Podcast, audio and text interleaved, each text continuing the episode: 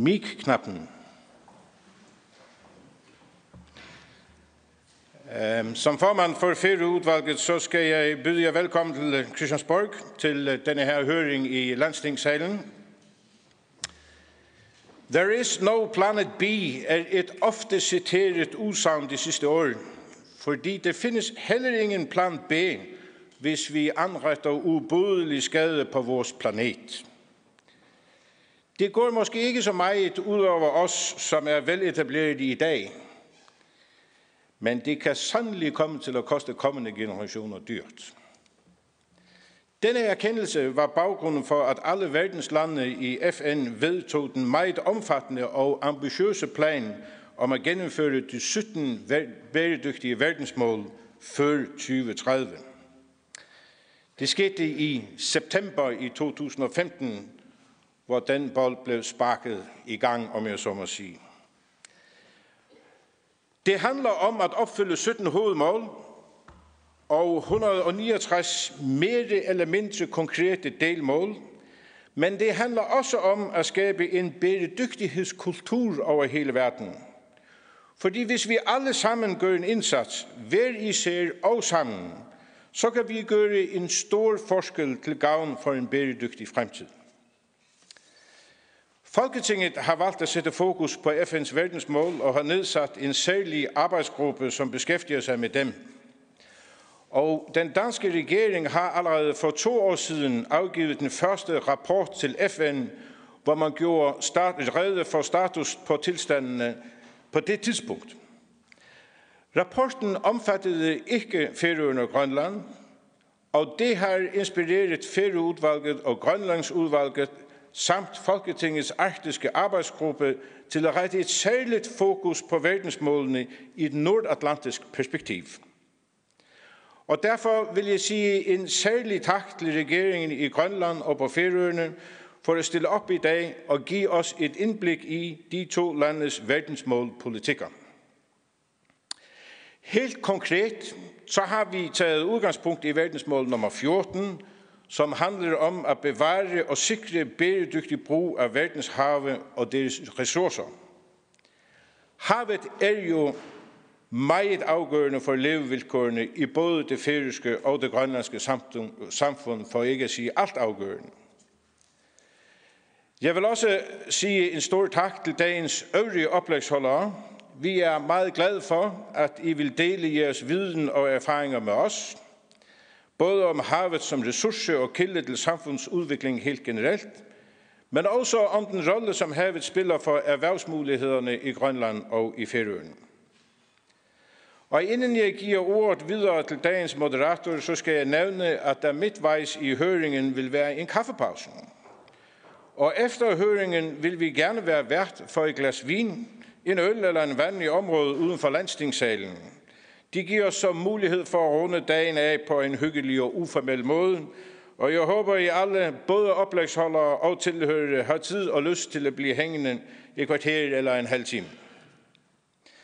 Og hermed så skal jeg også give ordet videre til dagens moderator, Lau Øfjord Blaksekjær, som er adjungeret lektor på Færøernes Universitet og har været en af pionererne til at etablere West Nordic Studies. Lav ved derfor en del om dagens emne, og han vil forsøge at lede os igennem programmet og sørge for, at alle kommer til orden. Endnu en gang, velkommen til jer alle, og Lav, ordet er dit.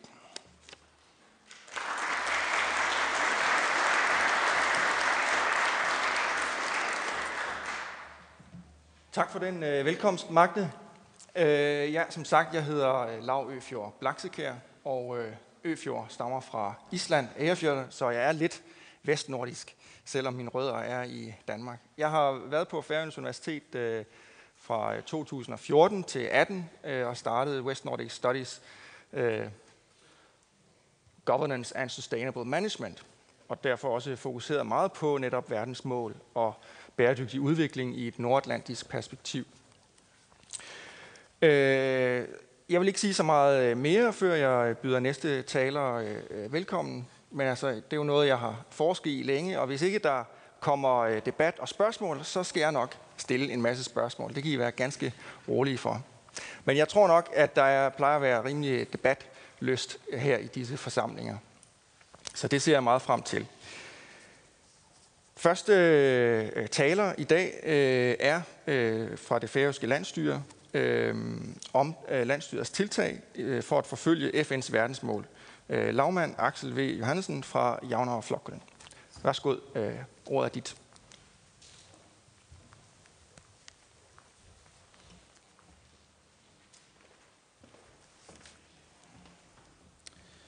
Tak.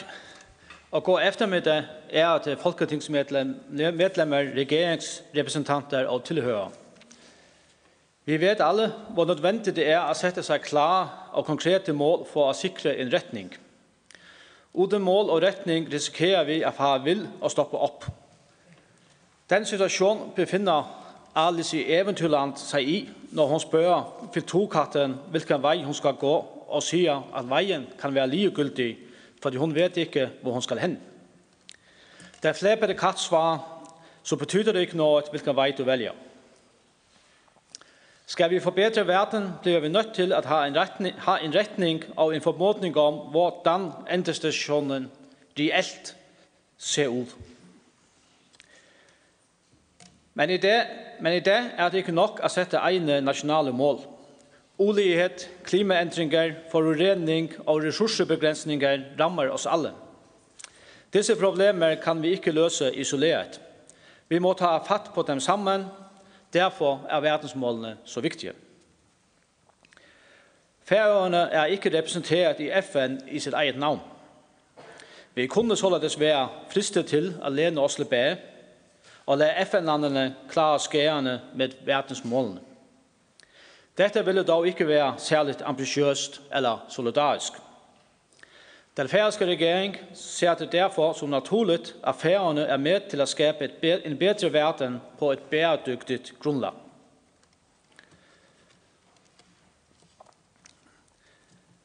Jeg skal nu komme ind på, hvordan den færøske regering har grebet verdensmålene an. Vores første initiativ var at oversætte de 169 delmål til færøsk – og leve opplysende materiale om verdensmålene, således at de blev tilgængelige for hele befolkningen. Sidste år hadde alle folkeskolelærer på færgerne en stor konference med verdensmålene som tema. Folkeskolelærerne fokuserede på verdensmålene med det formål at kunne videregive sin viten til skolebørnene. For at få et overblik over, hvor færgerne står i forhold til verdensmålene, har vi gjort et, en statusbeskrivelse med utgangspunkt i alle delmålene. Vårt neste skritt er at færernes statistikk, Hakstovan, lever en statistisk statusbeskrivelse med utgangspunkt i de 244 SDG-indikatorer. Hakstovan er i dialog med Danmarks statistikk om dette prosjekt. Folketinget har bevilget Danmarks statistikk en halv million om året i perioden 2019 til 2022 til teknisk bistand og løpende samarbeid med Hakstova Førja. Vår statusbeskrivelse viser at vi har nått langt innenfor flere av verdensmålene. Dette gjelder blant annet eh, verdensmål nummer 1, avska fattigdom, verdensmål nummer 2, stopp sult, Sunnhet og trivsel. Nummer 6, rent vann og sanitet. Og nummer 16, fred, rettferdighet og sterske institusjoner. Vi har også kommet langt når det kommer til verdensmål nummer 8 og 10, fordi vi har stor økonomisk vekst og et meget lige samfunn på færgene. Og min regering prioriterer høyt mål nummer 5 om ligestilling mellom kønnene, og der er vi også godt på vei. På andre vitale områder er vi ikke nået så langt, og her kreves innovasjon og politiske prioriteringer. Dette gjelder for eksempel eh, verdensmål nummer 7, bæredyktig energi, nummer 11, bæredyktige byer og lokalsamfund, nummer 13, klimainnsats, og nummer 17, partnerskap for handling. Verdensmålene setter også på mange av de ting som min regering allerede arbeider med – Vi har omstruktureret sygehusvesenet for å skape større effektivitet og for å redusere ventelister. Primærtjenester skal også flyttes tettere på borgeren. Vi har gjennomført skatteendringer for borgere med lev og middelinkomst og endret på avgifter og lisensbetalinger. Vi har også innført et familietilskudd til børnefamilier med lave inntekter og enlige forsørgere. Vi har vedtatt en pensjonsreform som gjerne skulle få å bygge alder, alderdomsfattighet og styrke den offentlige og private økonomiske motstandskraft. Vår nye boligpakke til behandling i lavtinget nå er også et viktig skritt til et mer diversifiseret boligmarked. Befolkningen vil få bedre muligheter for å få egen, eller eget bopel til en rimelig pris. Vi framlagte også i siste år et banebrydende påslag til en ny velferdslov som skal erstatte den gamle lov om offentlig forsorg. Den nye lov vil i større grad involvere borgeren i prosesserne og tjenesterne på velferdsområdet. Vår fiskerireform kommer fiskeriminister Høgni Høydal å si mer om senere i det. Ved angår klima, klimaet, så er CO2-emisjonen dessverre stedet. Omkring halvdelen av færene samlede CO2-emisjon skuldes fiskeflån. Her har vi en stor utfordring da det ennå ikke finnes reelle alternativer til oljen.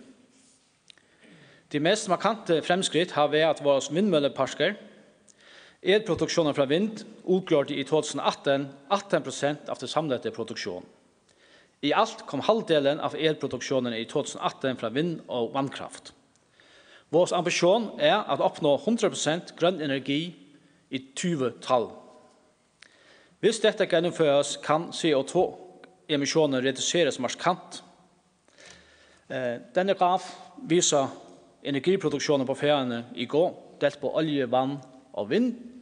Og som vi ser, så ligner det meg et gjennomsnittet siste år, hvor det er sånn, cirka halvdelen det kommer fra olje, og cirka halvdelen det kommer fra vind og vann men det er selvfølgelig meget forskelligt fra det til det på færgerne. Det kommer an på, hvor meget vind og vand det er. Så oftest er det meget vind og meget vand. Landstøret reviderer nu sin klimapolitik, som også skal baseres på vores, vores tilslutning eh, i regeringsgrundlaget til at følge internationale aftaler, herunder også Paris-aftalen.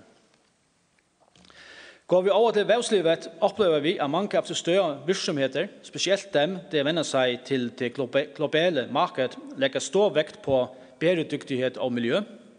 Nåle arbeider målrettet, målrettet med verdensmålene som utgangspunkt i deres arbeid med, med bæredyktighet. For eksempel i det vil Færøernes største virksomhet, Bakkafrost, presentere deres annen rapport om bæredyktighet som også forholder seg til verdensmålene. Vi kan også glede oss over at entreprenørkulturen på færgene og flere og flere små virksomheter har fokus på bæredyktighet og miljø.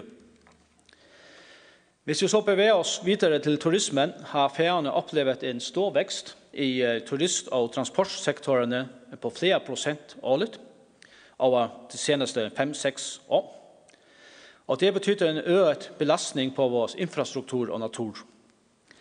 Visit Faroe Islands og vår turistbranche har med gode resultater skapt oppmerksomhet omkring færgene. En del av deres fokus er nu flyttet hen i imod bæredygtighed og, og udvikling. Visit Faroe Islands har for nylig frem, lagt frem en strategi for bæredygtig turisme, som på færøsk eh, at menna og værvøjde, eller på dansk at udvikle og bevare. Strategien knytter sig til flere af verdensmålene. Som en del av dette arbeidet blir utvalgte attraksjoner og naturområder lukket i slutningen av april, således at utenlandske volontører og feringer sammen kan arbeide med å reparere og forbedre infrastrukturen eh, til systemet. Vi på feriene skal selvfølgelig også rekke ut over vår egen horisont, Her kan jeg opplyse at min regering har fokusert på å bevilge, bevilge flere penger til udviklingssamarbejde og nødhjelp. I 2015 var det til sammen bevilget kun litt under 3 millioner kroner, og vi er nå kommet opp på 9 millioner. Og fortsatt er vi ikke kommet i mål, men skal lengre opp i det neste årrekken. Og vi ønsker færøsk deltagelse i utviklingssamarbeidet og bidrar med ferdigheter og erfaringer fra færøene. Sammenfattet kan jeg si at sammenlignet med de andre nordiske lande, så er færene godt med i forhold til de fleste verdensmål. Færene er et av de mest lige og trygge samfunn i verden. Men denne, real, men denne realitet forplikter oss. Fordi vi har alle forutsetninger for kontinuerligt å forbedre vårt eget samfunn og rekke utover egne grenser og hjelpe andre. Det er selvfølgelig flere mål som krever politiske prioriteringer og hårdt arbeid. Færernes økonomi og velfærd er baseret på havets ressurser. Vi er oppmerksomme på at for å sikre vår velferd og fremtid må vi diversifisere vår økonomi og bli mer motstanddyktige overfor eksterne endringer i havet, klimaet og, og det internasjonale markedet. Dette er en av våre helt store utfordringer. Vi blir nødt til at handle mer strategisk, langsiktet og holistisk. Derfor er verdensmål nummer 14 om livet i havet det som har vores, vores høyeste prioritet. Jeg begynte dette innlegg med å fokusere på viktigheten av at ha en retning. Verdensmålene har givet hele verden en retning som vi kan bestrepe oss på å følge sammen, men ut fra vår egen situation. Den svenske salmeskriver Lina Sandell skrev i 1845 salmen «Gjør til lilla du kan». Salmen er også oversatt til færøsk og her «Gjør til syndre du kanst», eller på dansk «Gjør til lilla du kan». Og det er nettopp på, på en pointen med verdensmålene, at vi ver i ser på verdensplan, lokalplan, i helt ned til det enkelte individ, gjør det som vi engang kan for å nå verdensmålene. Vært et lille initiativ hjelper og bidrar til helheten. Her til sist vil jeg takke FEA-utvalget, Grønlandsutvalget og den artiske arbeidsgruppen for å ha, for å ha arrangeret denne høring. Jeg ser frem til å høre det videre nordatlantiske perspektiv og den efterfølgende debatt. Takk.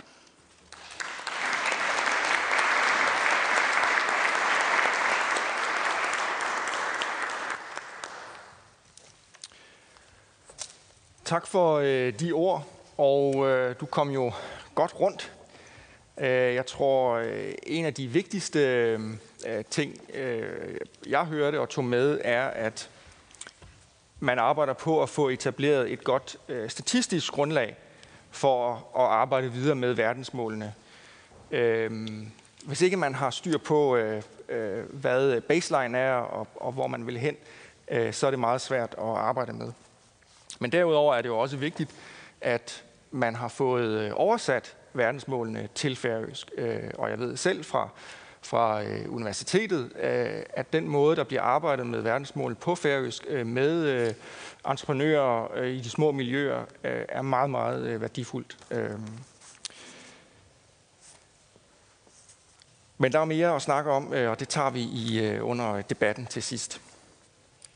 Så vil jeg øh, øh, introducere næste øh, oplæg, og det er fra Grønlands øh, Nalakker Suisut, øh, og dets tiltag med at forfølge FN's verdensmål ved øh, Nalakker Suisut for finanser og nordisk samarbejde, Vitus Rujakitok. Værsgo, øh, ordet er dit.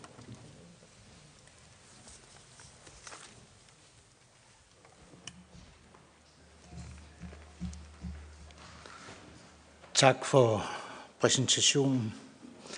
Ærede folketing, ministre, kolleger, mine damer og herrer. Indledningsvis vil jeg benytte lejligheden til at takke øh, arrangørerne for denne nordatlantiske høring om, om arbejdet med verdensmålene i Danmark, Færøerne og Grønland. Jeg har set mig til at blive klogere på, hvordan vi i rigsfællesskabet kan samarbejde om verdensmålene. Et af de 17 verdensmål handler netop om partnerskaber, og jeg håber personligt, at denne hyring kan give anledning til at etablere nye fremtidige samarbejder og partnerskaber på tværs af Atlanten i nye samarbejder mellem virksomheder, myndigheder og organisationer i Grønland på Færøerne og i Danmark. Bæredygtighed i politisk kontekst og ressourceforvaltning er ikke noget nyt i Grønland, da filosofien omkring bæredygtig udnyttelse af fangstdyr blev allerede håndhævet ved lov i min hjemmeegn Tule for over 100 år siden. Dette måske som verdens første land. I hvert fald er hensynet til naturen, dyrelivet og den forsvarlige udnyttelse af og forvaltning af ressourcerne noget, der ligger dybt i vores tankegang i Grønland. Som glode står vi over for nogle store udfordringer på grund af klimaændringer, menneskeskabt forurening og ændringer af økologien. Udfordringer, der berører os alle og er så vidtrækkende, at vi bliver nødt til at handle og ændre adfærd, jo før jo bedre. Arbejdet med FN's globale bæredygtighedsmål understreger og giver os en vigtig forståelse af, at ingen lande, organisation eller virksomhed kan løse disse udfordringer alene. Det kræver handling og samarbejde, hvis der skal gøres noget ved problemerne. FN's globale mål om bæredygtig udvikling er i sagens natur meget brede og overordnet, men giver alligevel nogle ret klare pejlemærker for de indsatser og prioriteringer, verdenssamfundet ønsker sat på dagsordenen. Det handler blandt andet om ligestilling, børns rettigheder, uddannelse til alle, fredelig samfund, retssikkerhed, vand, energi, miljø og klima, gældsudvikling, bæredygtig inklusiv vækst, fremtidig bæredygtig ressourceudnyttelse, alle sammen er stor relevans for dagens Grønland. Grønland er verdens største ø med en areal på knap 2,2 millioner kvadratkilometer. Grønland har på mange områder de samme udfordringer som mange andre lande. Men vi er en lille befolkning på omkring 56.000 mennesker, der bor spredt i et meget vidtstrækt land. I luftlinje svarer afstanden fra den nordligste bosted Ranak til Nanortelik i syd, afstanden fra den danske grænse til Nordafrika.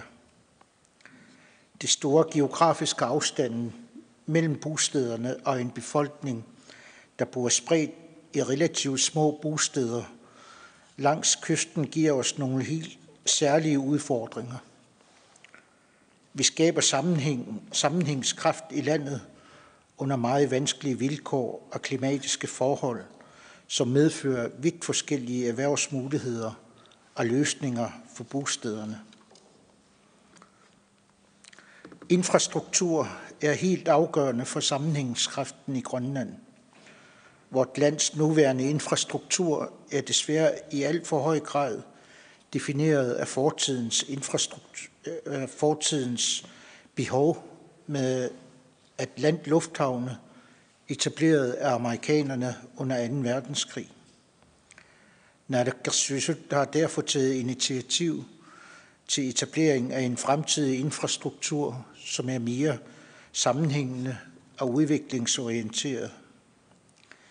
Finansieringen af de to lufthavne i Ilulissat og Nuuk sker som bekendt i tæt samarbejde med den danske regering. Dette er en yderst positiv bevis på et godt samarbejde. Billedet viser visionen for en ny international lufthavn i Ilulissat. Vi har store forventninger til de nye lufthavne i Nuuk, Qaqortoq og Ilulissat, der kan være med til at øge produktiviteten og skabe vækst, særligt inden for turisme og råstofområderne. Vi taler ofte om vækst som et mål i sig selv. Men når vi taler om vækst i en bæredygtighedssammenhæng, så er det fordi, vi ønsker en udvikling, som kan give vores vores borgere adgang til mad på bordet, tag over hovedet og et socialt og kulturelt liv i et trygt samfund for alle aldre. I Grønland ønsker vi at videreudvikle vores udgave af den nordiske velfærdsmodel til et arktisk velfærdssamfund, der i fremtiden kan udgøre grundlaget for vores selvstændighed. Visionen om et selvstændigt Grønland er således samtidig også visionen om et bæredygtigt Grønland. De to ting hænger sammen. Ja, vi skal have vækst, men ikke på bekostning af vores klode eller på vores fremtid. At løsne op for samfundets strukturproblemer og at udnytte landets erhvervsmæssige potentialer på bæredygtig vis forudsætter en høj grad af transparens og sammenhæng i planlægningen. Det er ikke tilfældigt, at vi i Grønland har forankret arbejdet omkring SDG 2030-agendaen i Departementet for Finanser tæt på den fysiske og økonomiske planlægning. Bæredygtig udvikling handler i høj grad om planlægning og om at skabe langsigtede, stabile rammevilkår og på den måde fremme investeringslysten. SDG 2030-agendaen er for mig at se et vigtigt værktøj til at sikre fælles strategiske mål, sammenhæng og retning i den førte politik på tværs af departementer og ressortområder. Med udvikling af indikatorer bliver det samtidig muligt at følge udviklingen og gøre de nødvendige tiltag, hvis vi er på vej i den forkerte retning. Sagt i, en, i et grønlandsk billedsprog, hvilken punkt i horisontet i, i horisonten er det, at hundesleden har retning mod. Hvor er det, vi vil hen? Måske er et svært med hundepisken nødvendigt for at bringe en hund tilbage i flokken, hvis den er på afveje. For hvis hundene ikke trækker i samme retning og begynder at slås indbyrdes, kommer vi ingen vegne. For netop at sikre en bred sammenhæng på tværs af departementerne og de forskellige ressortområder i Grønlands selvstyre, er der i gang sat et større arbejde med at udarbejde udarbejdelse af sektorplaner inden for en række centrale sektorområder. Lufthavne, sundhed, uddannelse, turisme, for blot at nævne nogle få. Det er et omfattende arbejde, som vil strække sig en årrække.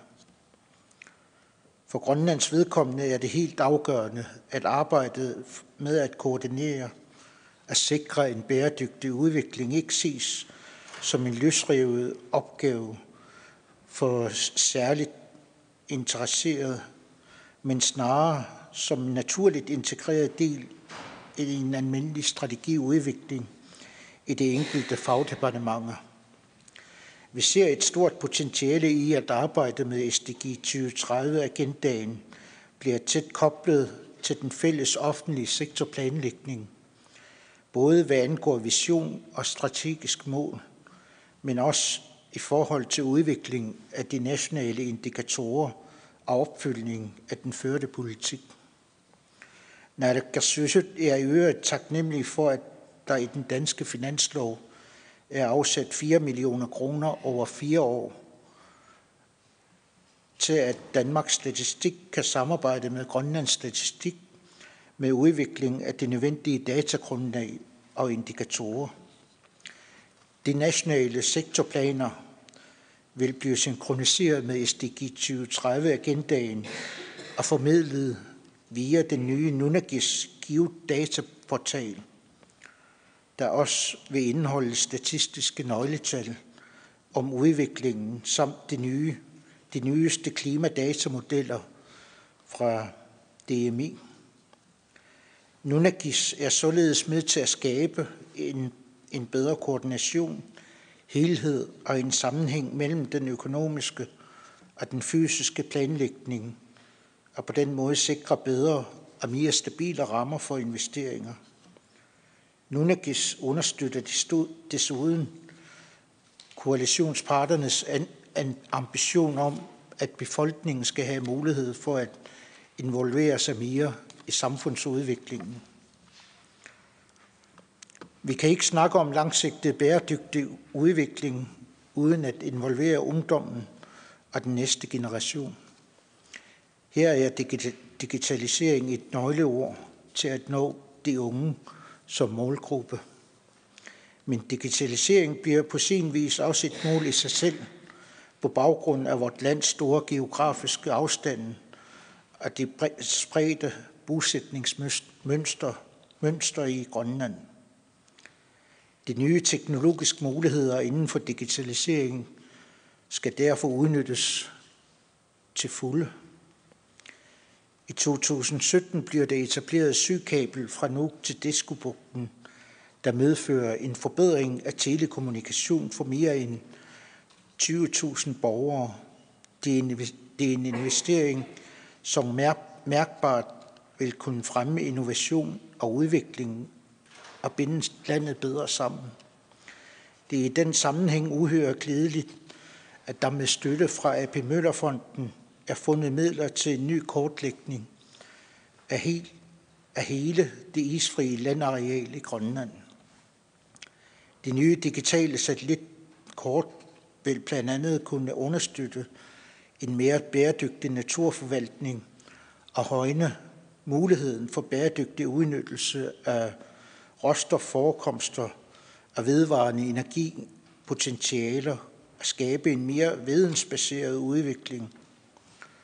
Naalakkersuisut modtog sidste år en international pris og opnåede anerkendelse for vores strategi og strategiske samarbejde med Geodata og GIS. Det understreger, at vi er i den rigtige retning. Samarbejde, sammenhæng og digitalisering er nøgleordene. Måske kan vi betragte verdens, eh, FN's verdensmål som et nyt fælles sprog, som en fælles referenceramme for fremtidens mange samarbejder på tværs af faglighed, lande og organisationer. Set i dette perspektiv bliver FN's verdensmål også vigtige for vores arbejde hen imod øget selvbestemmelse og selvstændighed på sigt. Tak.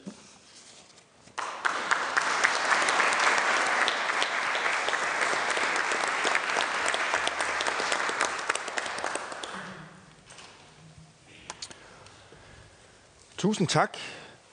Og øh, det sker jo ikke så ofte, at man er lidt forud, øh, og vi har god tid, øh, men må ikke det bliver indhentet. Øh, jeg vil foreslå, at vi øh, først øh, tager nogle spørgsmål til øh, Færøernes lagmand, øh, Axel, øh, i en fem minutters tid. Øh, derefter øh, spørgsmål til øh, Vitus. Og øh, så kan vi, øh, når vi har taget cirka 10 minutter, øh, prøve at tematisere lidt og, og, og tage spørgsmål, der går mere på tværs. Øh, for, altså, en af de, øh, et af de øh, emner, der blev bragt op, er jo netop øh, partnerskaber på tværs og også samarbejde inden for rigsfællesskabet. Så vi tager de sidste 10 minutter øh, mere øh, tværgående emner. Så øh, jeg øh, skriver øh, op, hvem der har markeret, og så skal I huske at tænde for mikrofonen og slukke igen, når I er færdige. Øh, jeg havde øh, Aja først. Jamen, mange tak for præsentationerne, både fra lavmanden og fra Nalakarsøsok. Øhm, vejen til den her høring var jo sådan lidt kringlet i virkeligheden, fordi at vi, øhm, der var jo nogle forskere, der ønskede, at vi skulle drøfte det her med SDG'erne, men vi ønskede jo at drøfte det i et lidt større politisk forum også. Øhm, og det, jeg synes var rigtig interessant i den færøske præsentation, det var jo det her fokus på at få det ind i folkeskolen. Øh, og jeg kunne godt tænke mig at høre, hvad var idéerne bag ved det? Hvorfor giver det mening at, at bruge så mange penge og bruge så meget tid på, at, at unge skal høre med SDG'erne? Det kunne være til inspiration for Grønland også. Tak. I kan høre mig? Ja. Tak for spørgsmålet. Ja. Hvis, hvis det skal være en succes på færgerne, så, så ser vi det som, at det har stor betydning, at, at færger, almindelige færger, tager det til sig. Og det bedste sted, der begynder, det er selvfølgelig med børnene. Og derfor har det også været en interesse fra, fra vores folkeskole og, og lærerne der, at de gerne ville uh, tage det til sig. Eh det det er en av årsagerne, men det har også været med i, til til forskellige andre kongresser på færene med industrien eh så läs att industrin också kan ta det här spörsmål eller det här världsmål till sig och det har som sagt flera av den till sig först och främst Bakkafrost som är en laxeuppdrätt verksamhet som är den största exportverksamhet på Färöarna. Det har också tagit världsmålen till sig. Eh och ja, grunden är visst det kan vara succé på Färöarna så att det står stor betydning för för befolkningen med och och ett gott stöd på grund av det där på Ja, øh, næste spørgsmål er fra øh, Karin, og øh, det var lidt det samme, men øh, spørg bare, vi er i starten, så der er tid. Tak skal du have, og tak for jeres oplæg. Meget spændende. Øhm, hvis nu jeg havde kunnet læse en færøsk avis, Axel, det kan jeg jo ikke, øh, så havde jeg måske vidst, at de havde sat det i gang over for skolerne. For jeg synes, det er rigtig interessant, Øh, at de har lavet en indsats, der gør, at man nu arbejder med børnene, sådan så de får et indblik i vel nok den mest pædagogiske udgave, som FN nogensinde har lavet, nemlig de her mål, altså de der firkantede kasser, dem, dem, kan, dem kan hele verden pludselig forholde sig til. Det er rigtig, rigtig vigtigt, at børnene også kommer med i den her omgang. Så det er, det er jeg meget glad for, jeg har hørt dit svar. Men jeg kunne godt tænke mig, at du måske sætter lidt flere ord på det med, med, med erhvervslivet. Hvordan I opildner erhvervslivet til også at, at hvad skal man sige, bidrage i den her sammenhæng, men også gøre det tydeligt, hvilke mål det er, man arbejder med. For jeg tror, det er det, der, der, der, der også vil kunne skabe forbindelsen mellem helt almindelige mennesker og så det her, hvad skal man sige, det her officielle system, som jo skal leve op til det. Øh, så det kunne jeg rigtig godt øh, tænke mig, og jeg er opmærksom på, at Bakke Frost går forrest. Øhm, måske er vi heldige på færne, at det har været interesse fra erhvervsvirksomheder, at høre om de her verdensmål og, og tage de her verdensmål til sig. Og så har vi måske også haft øh, embedsfolk til, til at have har en viss tilknytning muligvis til erhvervsvirksomheter. Det har også vært uh, ute i, i samfunnet og snakket med de forskjellige virksomheter. virksomheter. Og så har det vært, det var en kongress tidligere i år, hvor, hvor man, man kaller det på dansk, det er det har årligt, hvor de vælger, vælger årsens uh, virksomheder og så videre. Og samtlige virksomheder på færgerne er, er til stede. Uh, og hvor det også var embedsmænd fra landstyret, det som fremlagte de her verdensmål. Og det har vist sig, at, at flere af, af, uh, af de store uh, virksomheder ser også, at det kan være positivt for virksomheden selv, at uh, når det kommer til bæredygtighed, miljø og andet, at uh, det kan man også sælge sig på. Så, så det er været positivt. Tak. Så vil jeg give ord til Anita. Ja, øh, tak for indbydelsen. Ehm, det færøske lavmand lagt vægt, vægt på, øh, hvordan, hvor godt det går på færgerne. Vi har nok, når det kommer til de 17 verdensmål, vi har nok mad, nok uh, vand, og vi har uddannelse til alle, og rimelig uh, hvad hedder det, jævn, jævnhed i, i samfundet osv. Uh, altså, vi har, vi har med, med andre ord et, et godt velfærdssamfund. Men Vittus, ministeren, den grønlandske, lagde vægt på, hvor vigtigt det var, at vi kunne etablere nye fremtidige samarbejde. Eh, hvordan ser lavmanden eh, øh, på det synspunkt, at vi måske, og hvordan vi kan samarbejde lidt mere med, med Grønland om, om, de, om de ting, som, øh, som ikke er så gode til. Du, du nævnte også bæredygtig energi og klimaindsats og international partnerskabforhandling. Det der, hvordan du synes, at vi kunne etablere et samarbejde der? Ja, vi vil meget gerne have et samarbejde med, med Grønland, og ikke kun Grønland, også vores andre naboer og de andre nordiske lande når det kommer til, til de verdensmålene, og ikke minst når det kommer til, til vedvarende energi. På tross av at vi er mer forskjellige færre og Grønland eh, geografisk, og, og når det kommer til værforhold og, og annet, så, så har vi også flere, flere ting til felles, og vi kan lære Jeg tror vi på færgerne kan lære av Grønland, og Grønland kan muligvis også lære noget af os på færgerne. Så, så det ser vi meget gerne frem til et samarbejde der. Eh, Magne Eike, Tak. Um, Det er egentlig spørgsmål til begge to, men vi kan godt køre det laksel først. Det er mere omkring det her med, øh, i hvilket omfang vi i Nordatlanten har et mere naturlig tilgang til den bæredygtige tankesæt, om jeg så må sige, i forhold til, hvad man måske oplever i kontinentale lande som i, i Europa og i USA, fordi det ligger, om jeg så må sige, lidt til højrebenet, at, at vi udnytter havets ressourcer bæredygtigt. Det er en del af vores eksistens øh, og har været igen mange år, og det findes stadigvæk som en del af vores kultur. Og, og derfor finder jeg, at man har en måske lettere tilgang til at operationalisere de her verdensmål og kan få en, en, en stor nytte ud af dem, fordi at de nu også rækker ud over vores egne grænser. Jeg kan bare nævne som for eksempel virksomheder som Green IQ, som arbejder med at øh, fjerne oliespil, som man har ombord på skibet, Rock Troll Doors, som man har lavet nogle ganske øh, moderne øh, trollredskaber, der sparer olieforbrug, øh, tangopdræt og, og hvad vi er. Der er masser af de her øh, tiltag i gang på ferierne, allerede før vi vidste om verdensmålen, men de passer fint ind i den her sammenhæng. Uh, og i øvrigt kan jeg lige kommentere angående det her med skolen, og det var faktisk en verdenssensation, fordi det er den eneste gang nogensinde man i verden har oplevet, at et helt skolesystem i et helt land har været samlet på et sted, hvor man har diskuteret verdensmålene som baggrund. Men det var det andet med, med, med, hvor stor en betydning har den her kulturelle forbindelse, som vi har ned til bæredygtigheden af, af historisk uh, sag, altså hjælper det til at fremme verdensmålstænkningen og implementeringen. Uh, ja, nu kommer Høgne Høydal nok også til å snakke litt om, uh, om verdensmål nummer 14, tror jeg. Uh, men det har det er stor betydning for oss på færene. Som sagt, så, så lever vi av uh, de resurser som, vi, vi, som er i havet. Og um, både når det kommer til bæredyktighet, så har det stor betydning for vores fiskebestande.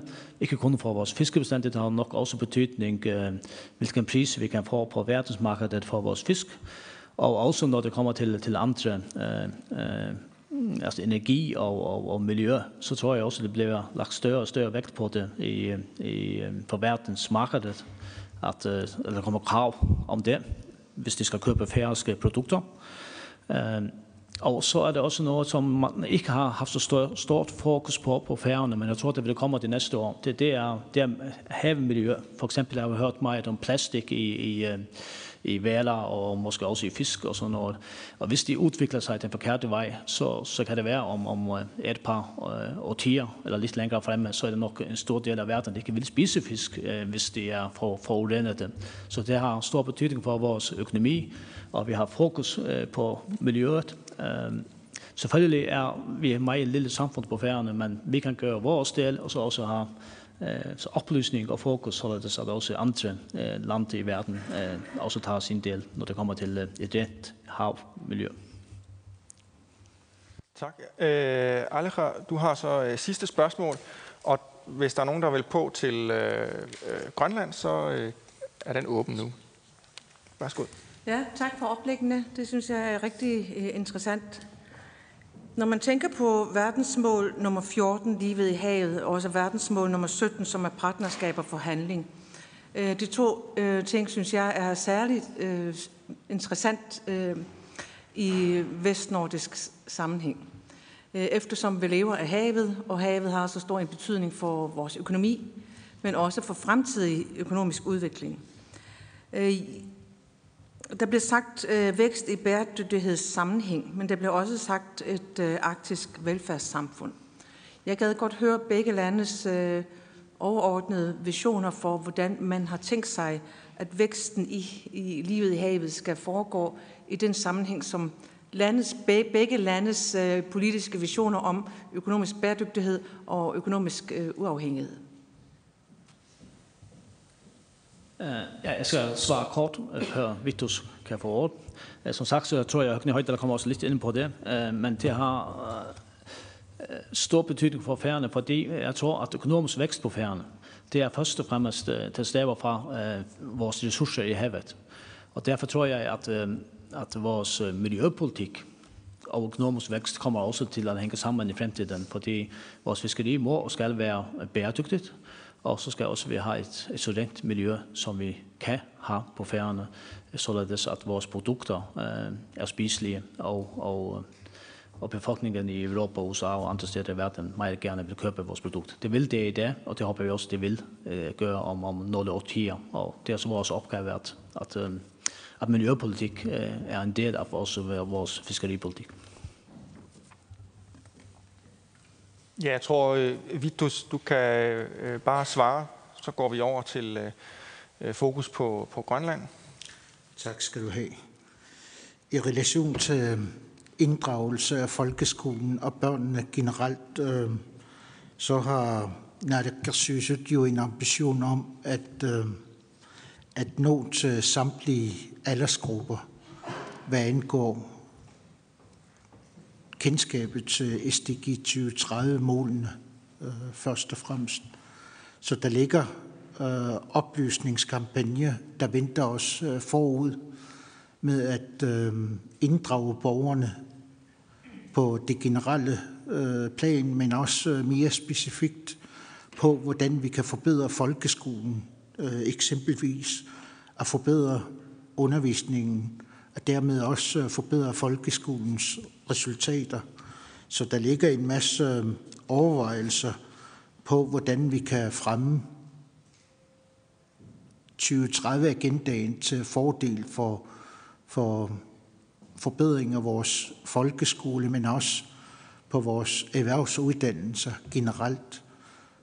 Hvad de unge angår, så øh, må vi jo konstatere, at der er hele 2800 unge imellem 17 og 25-årige, som hverken har uddannelse, er i job eller registreret som ledige. Det er jo et kæmpe øh, underskud i vores demokrati, at øh, vi ikke formår at få de unge på banen med enten at påtage sig en uddannelse eller også komme på arbejde. Så der ligger øh, et stort demokratisk underskud for mig at se, hvad de unge angår. Og det handler jo i høj grad om at nå ud til de unge, men det gør jo ikke ved øh, de gængse kanaler. Øh, det handler nok i høj grad om, at øh, vi igennem de digitale kanaler når ud til de unge på det skæve tidspunkter, fordi det er jo ikke i 8 til 16 øh, klokkeslættet, at øh, man når ud til dem. De er lysvågne om natten og er måske bedre optaget af e-gaming end noget andet. Så der ligger en stor opgave og et underskud, øh, hvad unge angår for os. I forhold til øh, inddragelse af erhvervslivet generelt, så har Corporate Social Responsibility, CSR Grønland og Transparency International Greenland øh, hver især øh, en stor indsats for at få sat øh, fokus øh, på NGO'ernes arbejde og inddragelse af SDG 2030 agendaen Dertil har kommunerne, de grønlandske kommuner også, hver især i gang med at øh, udforme, hvordan det vil leve op til verdensmålene. Så det er den øh, partnerskab, der er imellem organisationer, virksomheder, kommuner og selvstyre i sidste ende, og ikke mindst borgerne, øh, hvor vi skal have det partnerskab øh, til at fungere. Og jeg kom ind på, hvordan øh, vi vil nå øh, til at afdække de mange elementer, der ligger i, i målene, hvor vi selvfølgelig øh, vil bruge øh, de gængse kanaler med øh, oplysninger igennem radio og tv af de trygte medier, men også øh, øh, informationsmøder, som vi allerede holder. I relation til øh, investeringer, så må jeg jo konstatere, at offentligt privat partnerskab øh, lever i bedste vilkårene, da vi øh, senest med den danske stat har indgået finansiering af Lufthavnspakten, som er et øh, resultat af de, øh, de gode samarbejde, der er. Øh, så vi har en øh, tilknytning af ønsket om vækst og fremme, fremmed invest, finansiering igennem investeringer. Og det er jo kun starten. Hvor vi har set, hvor vi skal have inddraget de kommunale udviklingsselskaber til at afsøge og fokusere på byggeri af boliger, havne, folkeskoler med videre. For selvstyrets vedkommende, så handler det for os over de selvstyre opgaver og ansvar, som dækker havne, øh, sygehuse, øh, almene boliger, som, øh, som vi skal udvikle. I forhold til den økonomiske uafhængighed, så øh, har jeg øh, jo i min præsentation også peget på, at, øh, at vi skal have overblik over øh, de indikatorer, der er relevante. Der er data jo først og fremmest øh, de grundlag, som, øh, som vi skal have øh, i vores statistiske øh, kontor til at øh, samle og gøre data tilgængeligt til borgerne. I relation til det offentlige, så øh, er key performance indikatorer jo noget, som vi har indbygget i vores økonomistyring og vores budgetopfølgning, hvor vi igennem de sidste øh, 4-5 år har arbejdet på at indarbejde de begreber ind, øh, så vi har en effektmåling af øh, de bevillinger, vi, vi sætter i finanslovene, hvad vi får ud af bevillingerne, og at vi i vores øh, finanslov også øh, gør tilgængeligt øh, for hvilken departementer, der arbejder med delmålene, som vi skal have synliggjort, således at vi har en overblik over, hvem der gør hvad, hvor, hvornår og hvordan arbejdet gennemføres til at implementere verdensmålene. Med hensyn til energisektoren, så må jeg konstatere, at Grønland i allerhøjeste grad øh, leverer øh, sit bidrag til, at øh, vi får en mere bæredygtig og miljøvenlig energiforsyning, eftersom øh, 70 procent af Vores energi leveres af vandkraftenergi i dag, og vi sigter på at øh, højne øh, uafhængigheden af fossile brændsler. Så jeg må sige, at øh, vi lever i allerhøjeste grad op til vores ambition om at blive så miljøvenlig og bæredygtigt samfund.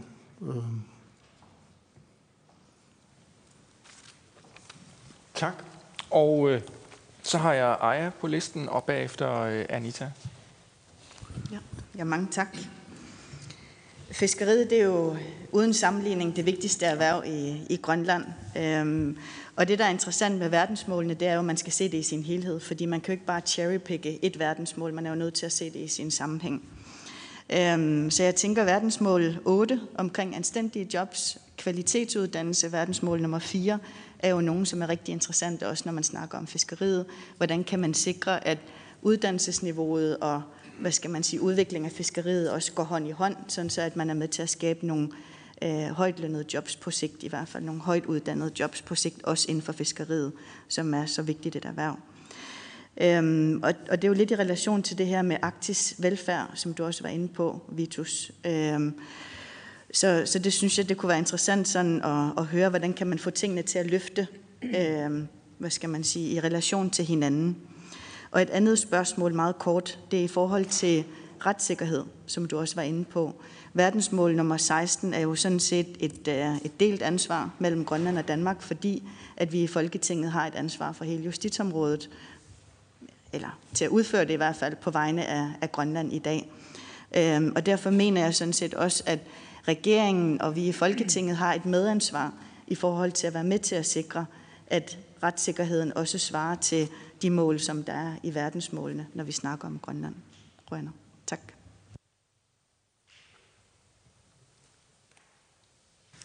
Tak. Skal du have, Heja. I relation til, hvordan fiskeriet kan bidrage til, øh, til en større bæredygtighed generelt øh, i erhvervet, øh, er noget, som vi også kigger på. Jeg var for nyligt til et drejeseminar i, øh, i Nuuk, hvor vi kiggede på øh, de islandske erfaringer med at øh, gøre brug af et nyt øh, trål øh, fiskeri, uden at skade bundforholdene i, i havene. Det er jo noget, som vi bør kigge på. I forhold til trålfiskeri, så må vi jo konstatere, at det nogle gange kan være dyrt at ødelægge havets bund, fordi vores øh, sygkabel med det øh, øh, optiske øh, forbindelse til Diskobugten, de røg, der tråler og ødelagde sygkablet. Så der kan være ræson i at øh, beskytte havbunden. Men i relation til uddannelsesniveauet inden for fiskerierhvervet, der kan jeg kun medgive dig, at, øh, at øh, vi halter i forhold til vores øh, vestnordiske og de nordiske naboer i relation til at få fokus, men også øh, indsats omkring de maritime øh, uddannelser. Det er også derfor, at øh, vi øh, kigger på, hvordan øh, øh, det teknisk betonede uddannelser inden for levnedsmiddelproduktion, men også øh, øh det tekniske fag øh, kan øhm, indarbejdes i vores uddannelsessystem øh, væsentligt mere. I relation til øh, at højne vores øh, udnyttelsesgrad, så øh,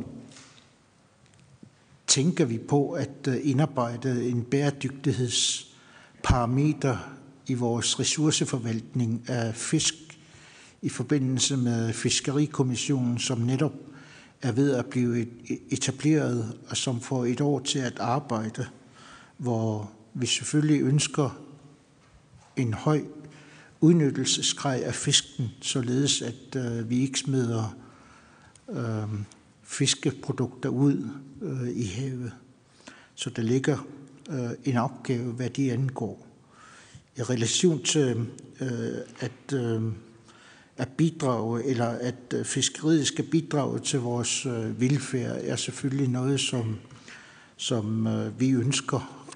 Eftersom fiskeriet er den langt største indtægtskilde for Grønland, så må fokus på uddannelser og i høj grad øh, forædlingssystemer jo være noget, som vi bør fokusere mere på, således at vores fiskeriaktører i højere grad øh, Øh, lægger deres øh, produktion i Grønland. Men det indebærer jo også, at vores skattesystem øh, skal kigges igennem selskabsbeskatning, øh, det generelle øh, arbejdsmarkedsfradrag øh, skal kigges øh, Altså vores mantra om, at øh, det skal kunne betale sig et arbejde, skal have øh, øh, sin virke øh, omkring skattesystemet. Og det indbefatter jo også øh, vores ønske om at øh, blive mere konkurrencedygtige, øh, således at øh, vi kan måle os øh, til vores nabolande. Øh, I forhold til justitsområdet øh, kan jeg kun konstatere, at der ligger øh, som vi lige har hørt øh, i spørgetimen, at øh, der er mange ansvarsområder, som Danmark øh, stadigvæk øh, har ansvar for i relation til Grønland. Og der ligger et stort efterslæb på mange af områderne, så øh, jeg kigger på øh, vores øh, samarbejdspartnere i det danske folketing om, hvordan øh, vi øh, kan overføre øh, opgaverne men dertil skal vi jo også kigge på, øh, hvordan vi kan forbedre standarden inden for de mange områder, som Grønland endnu ikke råder over.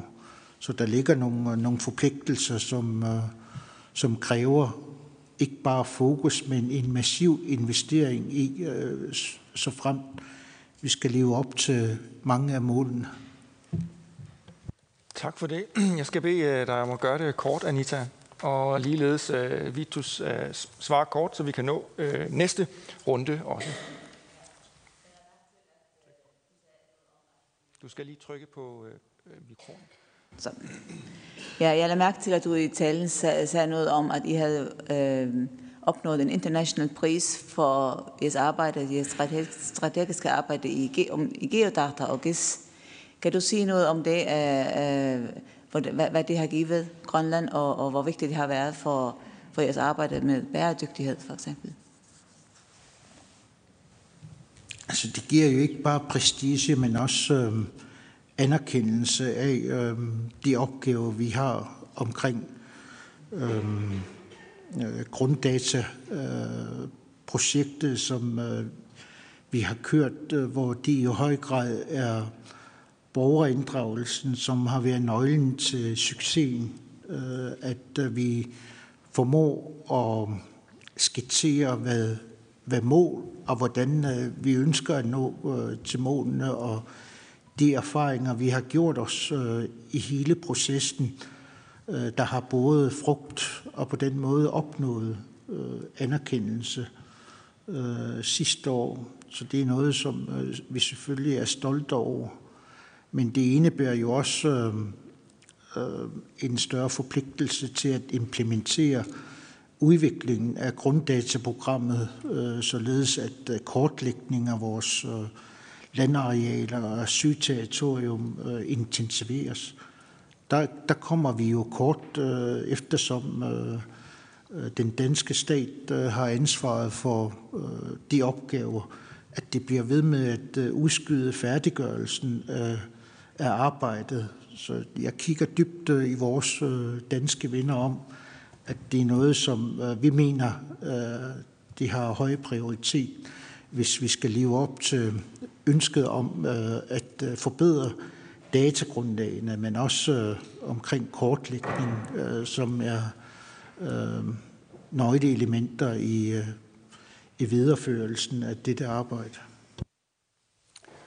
Fint. Øh, så vil jeg afslutte denne første runde og øh, bare konstatere, at vi kan vende tilbage til spørgsmålet om samarbejde og partnerskaber på tværs øh, efter den næste runde. Øh, især, øh, især fordi øh, verdensmål nummer 17 partnerskaber har fokus på, at det skal være partnerskaber mellem i-lande og u-landen. Og det skal handle om, at man også overfører teknologi og kapacitet til øh, u-landen. Og øh, vi er jo ikke ulanden i rigsfællesskabet, så derfor er vi jo nødt til at finde ud af, hvordan vi så laver partnerskaber uden for rigsfællesskabet. Øh, og der vil øh, Høgne Højdals øh, oplæg jo om Large Ocean Nations øh, være ret centralt, men også øh, vil jeg tro nogle af de ting, Minik Rosing vil tale om, øh, samarbejde med Grønland og måske øh, andre lande. Men øh, med det vil jeg så give ord til øh, øh, professor ved Københavns Universitet, øh, Minik Rosing, om klimaforandringer og nye muligheder for de nordatlantiske samfund. Ja, øh, men så tror jeg, jeg gerne vil starte med at udvide det til at sige nye muligheder for verden, fordi jeg tror, at det er meget vigtigt i forhold til at adressere verdensmålene at huske på, at de er verdensmål. Det vil sige, at det handler om globale problemer, som kræver globale løsninger. Og der er selvfølgelig vigtigt, at Danmark og Færøerne og Grønland er dele af verden, men vi er også meget, meget, meget små dele af verden som nationer. Og det vil sige, at det, at vi gør noget på hjemmefronten, det er selvfølgelig vigtigt, øh, dels for vores anseelse og selvforståelse, men i en global skala alt trækker det ikke ret meget. Så hvis vi kan gøre noget, som kan adressere øh, nogle af de globale problemer på global skala, så vil det have meget større impact. Og i og med, at vi er meget små nationer, så er vores eneste håb om nogen form for magt i verden, det er blød magt øh, ved det gode eksempel. Øh, og det tror jeg, at øh, det er altså det, vi skal prøve at, at se på. Øh, så øh, der vil jeg så sige, at øh, øh, hvad skaber klimaforandringerne så af nye muligheder? Øh, og en af de ting, vi skal være opmærksom på, det er, at øh, klimaforandringerne jo skyldes CO2-emissioner. Det ved vi alle sammen hovedsageligt.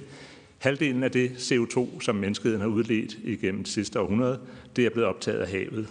En tredjedel af den CO2, som havet har optaget, er blevet optaget i Nordatlanten, selvom det er en meget, meget lille del af verdens havområde. Og grunden til, at Nordatlanten kan det, det har mange forskellige årsager, men en af de vigtige er det økosystem, som eksisterer i Nordatlanten, og den høje biologiske produktivitet, som er også er grundlaget for de fiskeressourcer, vi taler så meget om. Så et sted, hvor øh, jeg tror, at vi kan være, øh, komme, komme i, i front i, i, i forhold til verdensmål, det er i hvert fald at sikre, at vi ikke på nogen måde skader Nordatlantens måde at fungere på. Det er et meget væsentligt punkt, og det er også meget centralt for vores fiskeressourcer, som jo er vores øh, væsentligste økonomiske øh, grundlag. Derudover så tror jeg, at vi kan, øh, og det tænker jeg det, øh, at øh, du hænder, hentyder til, Lav, at, øh, at øh, i forbindelse med, at øh, indlandsisen i Grønland jo smelter, hvad den gør med, med foruroligende hast, så vasker den en masse forskellige produkter ud i havet, som dels er med til at styrke den biologiske produktivitet i havet, men som også bare lægger sig i alle grønlandske fjorde. Det er sand, grus og ler og silt og alt muligt andet godt. Og øh, der, øh, i forhold til mange af de her meget højt forædlede og meget raffinerede produkter, vi tit taler om, øh, vi kan øh, begynde at, at, at, øh, at, øh, at udvinde i, i, øh, i, i den nordlandiske region, så en af de sådan lidt mere beskedende ting, ydmyge ting, det er sådan noget som sand og grus. Det er verdens mest solgte øh, produkt overhovedet. Det er et produkt, som stort set ikke findes på verdensmarkedet mere, fordi alle kendte ressourcer er brugt op. I Grønland har vi faktisk nogen, som kan udnyttes øh, bæredygtigt, fordi at de bliver øh, øh, hvad hedder det, øh, genopfyldt konstant med indlandsisens afsmeltning og udvaskning af, af sediment. Øh, det er jo sådan, i Kina i de sidste 10 år, er der bygget lige så meget, som der er bygget i USA det seneste århundrede og det bliver ved, og det sker mange andre steder i verden. Der er et enormt behov for den type materialer, og som hvis man tager dem andre steder fra, fører det til kæmpe miljømæssige belastninger. Så det er et sted, hvor man, især Grønland, der er færre, måske ikke helt så meget på banen, men hvor Grønland ville kunne øh, markere sig som en, der kan, lave, øh, kan man løse et, et, et, et væsentligt øh, globalt øh, miljøproblem, og samtidig kapitalisere det og gøre det til et erhverv i Grønland. Og det andet element, som jeg selv øh, har arbejdet med, er det her med, at man også får vasket en masse mineralske næringsstoffer ud i havet som, og i søer og alle mulige andre steder, som vil kunne bruges til at forbedre landbrugsjord i troberne. Øh, et af de største overhovedet, øh, eller den grundlæggende problem til en meget, meget stor del af de ting, vi ønsker at reparere med verdensmålene, det er dårlig produktivitet i landbruget i ulandene og i øh, subtroperne. Altså i ulandene, i trupperne og subtroperne. Øh, det er, øh, grunden til de ulande, det er, at de har dårlig jord. Og grunden til, det dårlige jord er, at jorden er blevet udvasket for næringssalte gennem de seneste par millioner år. Alle de stoffer kommer ud i de grønlandske fjorde og søer og kunne transporteres derhen, hvor der er brug for dem, og dermed øh, mindske øh, graden af ulighed i verden, og samtidig vil det virke til også at øh, medvirke til at trække CO2 ud af vores allerede højt belastede atmosfære. Så derfor så er det igen noget, hvor vi kan øh, lave en forretning ud af at gøre noget, der har et globalt positivt impact. Øh, så jeg tror, at øh, det er ekstremt vigtigt, at når vi øh, vurderer, hvad vi som nationer kan gøre på bæredygtighedskontoen, selvfølgelig skal vi se indad på os selv og gøre noget fornuftigt, men det, hvis det skal batte noget, så er det meget vigtigt, at vi ser ud af og finder ud af, hvad er der af behov, hvad er der af globale problemer, hvor vi kan spille en rolle. Og det er fuldstændig rigtigt, der er fiskene også, og de andre marine ressourcer jo også en ekstremt værdifuld ressource for verdenssamfundet i, hele, i det hele taget. Det er, øh, der bliver færre og færre rigtig levende fisk i havet rundt om i verden. Jo bedre vi passer på dem, vi har i vores del af verden, jo større og stærkere står vi som nationer. Det er der ingen tvivl om, og det bliver mere og mere værdifuldt. Så tænker jeg også på i det hele taget naturforvaltning. Natur er også noget, der bliver sværere og sværere at få øh, øje på rundt om i verden.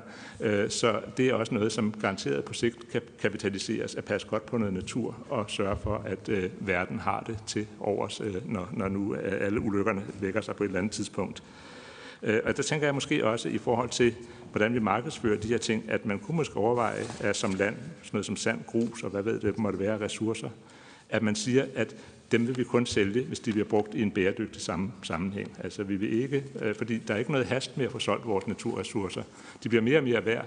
Der vil blive større og større efterspørgsel på dem i de kommende årtier og 20 år osv. Der kan være en, en ræson i at bruge dem nu til at styrke vores position og relevans i verden og tjene penge på det. Men som sagt, der er, ingen, der er ikke noget hast med at komme af med det. Øh, så derfor kunne man måske godt tænke til at være en lille smule, øh, øh hvad skal man sige, øh, kredsen med, hvem vi sælger til og til hvilke formål og det kan være med til at etablere øh, os som brands i verden. Og så har det den store fordel, at hvis man ikke sælger til alle dem, der bruger til noget skidt, så stiger priserne også på det. Så når vi sælger til de gode til verdensmarkedspris, så får vi endda også mere for det formodentlig. Så det gør jo ikke noget. Så igen så vil jeg som sagt sige, at de marine ressourcer, som har rigtig meget fokus her, der er ingen tvivl om, at det vil blive ved med at være, tror jeg, den væsentligste økonomiske driver i vores del af verden, og også bæredygtighedsmæssigt en af de vigtigste. Men udover det, så tænker jeg, at meget banale, meget øh, ydmyge naturressourcer som sand, grus og det her gletsjermel, vi snakkede om før, øh, og så at vi på en eller anden måde øh, ikke øh, sælger ukritisk til hvem som helst, men vi simpelthen øh, prøver at gøre det i alliancer, hvor vi kan se, at det er noget, som faktisk adresserer reelle problemer i verden. Det vil være en kolossal styrke for, for, for os som små nationer i en del af verden, som ellers øh, kun har anekdotisk betydning. Så. Tak, Minik, øh, professor og øh, halv forretningsmand. Øh, men, øh, men ja, man kan jo noget på universitetet, når man sidder der og, og har mulighed for at tænke, men også komme ud og møde øh, en masse mennesker. Så får man nogle gode idéer. Øh, det næste, vi skal høre om, er øh, øh, om Large Ocean Nations. Og øh, første gang, jeg stødte på det begreb, var i forbindelse med FN's klimaforandringer, hvor øh, de her små øh, øh, stillehavsøer begyndte at brande sig selv som Large Ocean Nations. Øh, simpelthen fordi de jo har meget, meget lille landmasse, men kæmpestore øh, havarealer, og derfor mente, at hvis de var øh, Large Ocean Nations i FN's klimaforhandlinger, så kunne de også tale med en større stemme. Øh, og det har jo sidenhen øh, bredt sig til andre dele af, øh, af den internationale debat, også inden for øh, verdensmålene. Øh, så det vi nu skal høre er netop øh, Large Ocean Nations, hvordan Grønland og Færøerne hører til blandt verdens store havnationer. Hvordan ser fremtidens udfordringer og muligheder ud for verdens store havnationer? Ved øh, Færøernes landstyrmand for fiskerianlægner, Høgne Højdal. Værsgo. Ja, tak for det, og tak for indbydelsen og for initiativet til øh, denne høring om verdensmålene, specielt i et nordatlantisk perspektiv. Øh, så kære ministre og medlemmer af tingene i vores lande og alle tilhører. Øh, jeg synes, verdensmålene er en gave til, til menneskeheden, men også et umådeligt ansvar for, for vores nationer. Og det vil jeg prøve at redegøre for i dette indlæg. Jeg skal også huske at rette en tak til nu nævnte lavmanden, jo vi har heldigvis fået gang i, i godt arbejde med verdensmålene i Færøerne, men det det udsprang sig også hernede fra Folketinget gennem Magne Magni Arke og hans kontor, som startede med denne proces med at, at, at gøre verdensmålene til færøsk og at gøre dem til vores også. Øhm, havet, jeg vil næsten påstå, at det 21. århundrede bør være havets øh, århundrede. Og det ser vi ikke blot i verdensmålene, men også i det, der foregår internationalt.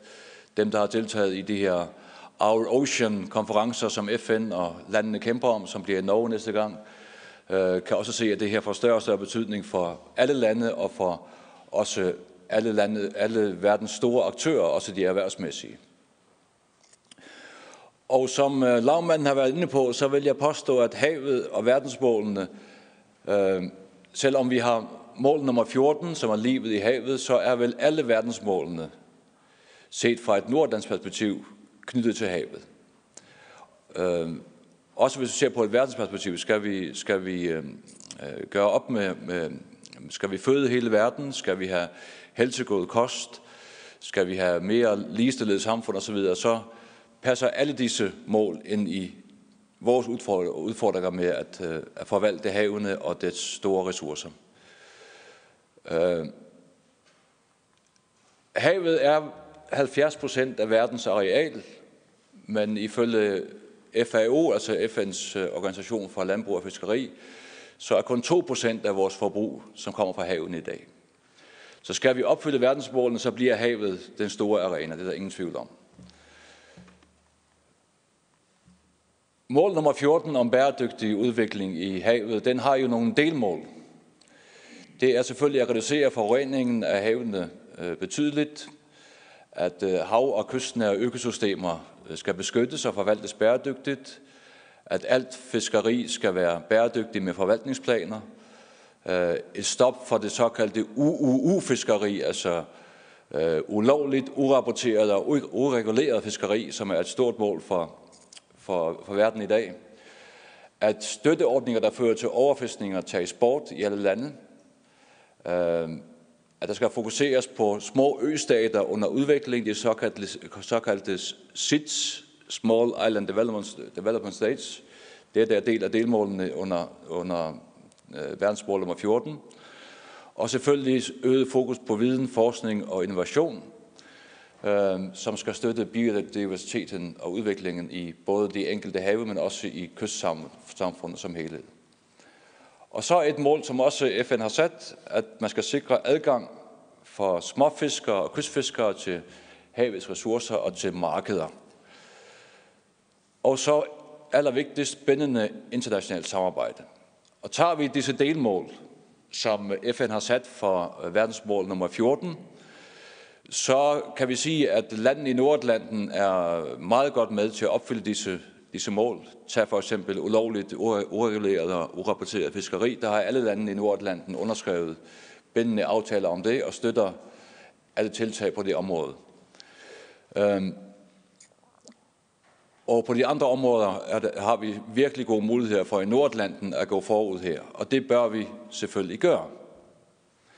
Fordi hvis jeg har ret i, at det 21. århundrede er havets århundrede, så kan verdens, og verden jo også skifte perspektiv fra de store, øh, kan man sige, globale stormagter, som vi til vanligvis ser med disse, kan man sige, øh, landegrænser, så kan vi prøve at se verden fra havets perspektiv.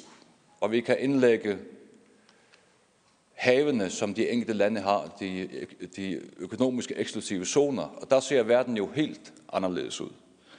Her pludselig bliver de nationer, som, som os, som nogle gange ser sig selv som små nationer, bliver jo pludselig blandt verdens største nationer. Altså storhavsnationer eller large ocean nations. Nationer eller ø-samfund særligt, med små befolkninger, der har ansvaret for et enormt område af verdenshavene. Øhm, en ikke særlig videnskabelig opgørelse viser, at det her er verdens største nationer, når vi tager land- og havområder med. Der ligger Frankrig, jeg ved ikke, om man kan se det. Frankrig ligger nummer et. Det er selvfølgelig, fordi de har så mange kolonier stadigvæk, specielt i, i, i det sydlige, sydlige Stillehav alle disse lande, som, som vi kender hernede, som, som vi ikke kender så meget til, som Kiribati for eksempel er, er verdens 10. største nation i det her perspektiv. Og så står der med sanden Danmark som nummer 15. Men det er fordi, at det her er CIA, som har lavet opgørelsen, og de har lagt Grønland og Færøerne sammen med Danmark. Og der bliver Danmark pludselig nummer 15, den 15. 15. største nation i verden i arealmæssigt med land og hav. Hvis vi prøver at regne på det, så vil Grønland ligge helt heroppe. Færøerne vil være nummer 65, når vi regner areal på land og hav, mens Danmark nok vil ligge meget lavt. Øh, Færøerne er for eksempel to og halv gange større end Danmark, når vi tager havet med. Men det giver et enormt ansvar for os, og ikke mindst for de her storhavsnationer i Nordatlanten. Og, øh, og vi kan jo bare tage vores nærmeste naboer, vi kan tage, tage Norge, vi kan tage Island, vi kan tage Grønland, nu måske også Storbritannien. Dette er jo enorme nationer, som har ansvaret for, for hele det her økosystem og hele de enorme ressourcer, der er i Nordlanden. Og vi har jo et, forsøgt at lave et centret samarbejde mellem disse nationer. Vi har bilaterale aftaler, vi har prøvet at have multinationale aftaler, men for ikke at trætte jer for længe, i øjeblikket har vi en enorm udfordring, for vi kan ikke finde ud af at fordele de migrerende ressourcer, for eksempel sild og makrel øh, og blåvilling. Men vi prøver at samarbejde på andre områder. Hvis vi ser på, hvad disse lande producerer af levende fisk fra havet, så har vi prøvet at lave en sammenligning her, hvor EU, altså EU-fisker, EU-landene fisker cirka 5,5 millioner ton om året, men per indbygger er det jo næsten ingenting. Tager vi Norge, så er det jo 2,4 millioner ton om året, og det er cirka et halvt ton om året per indbygger. Island og Grønland ligger jo på næsten 4-5 ton om året per indbygger. Og tager man så færøerne, så er vi op på 14 ton per indbygger om året, som vi fisker, altså er levende ressourcer i havet. Ikke, der er ikke opdræt og akvakultur med her. Så det er et enormt ansvar. Det svarer til cirka 40 kilo om dagen per indbygger, øh, ung som gammel. Så her ligger der et enormt ansvar og en, og en utrolig udfordring. Det har vi forsøgt at gøre noget ved i færøerne. Øh, så vi har sammenkaldt et forum, der hedder Large Ocean Nations, som vi havde første gang på Malta i 2017, fokuserende på blå øh, bioøkonomi og vækst i den blå bioøkonomi. Det var arrangeret øh, sammen med Nordisk Ministerråd, og faktisk en udlægger af færgerne havde formandskabet for fiskeridelen af det danske formandskab i Nordisk Ministerråd. Og det var arrangeret sammen med FAO og med Commonwealth og så videre, og så videre, hvor vi prøvede at samle nogle af de her større øh, storhavsnationer. Øhm, og inspirationen kom faktisk fra Seychellerne, som er en meget, øh, som er en af storhavsnationerne, fra Rio plus 20, hvor de lancerer det her begreb, som, som Laura var inde på. Vi fokuserede på vækst i blå ressourceøkonomi, øh, arrangerede det øh, sammen med, som nævnt, med Nordisk Ministerråd, og specielt var det NORA, som hedder som er nordisk atlantsamarbejde, der var den store pådriver her. Øh, deltagerne fra Nordlanden var Færøerne, Island, Norge og Grønland, og så var der en lang række af de her andre store nationer, specielt fra det sydlige Stillehav og fra det sydlige Atlanterhav osv., som Seychellerne, Mauritius, Cabo Verde, Sao Tome og Principe, Papua Ny Guinea, øh, Vanuatu osv. osv. Øh, der var specielt fokus på samarbejde mellem disse lande inden for fiskeri, opdræt, altså akvakultur og turisme. Det var fokus på værdiforøgelse, forvaltning, teknologi, investeringer og markeder. Og det udmundede sig så i nogle anbefalinger, som jeg ikke skal trætte jer med her, men med syv konkrete anbefalinger om, hvordan man skal samarbejde mellem disse lande for at øge værdien af havenes ressourcer, både inden for, for havfiskeri og for opdræt, specielt fokus på at udvikle markeder, som er vel en af de største forhandlinger for, at vi kan få mere ud af havets ressourcer. Der er EU en af de store sønder, efter min mening, fordi de kan åbne sine markeder for værdiforøgede produkter. Og der kom så 26 anbefalinger om concrete actions. Dette skal så følges op øh, i den kommende tid, og efter min mening så bør Norden og Arktis tage lederskabet Norge har været ledende i det, vi kalder for at stoppe fish crime. Øh, 30 procent af verdens fisk i dag bliver fisket ulovligt.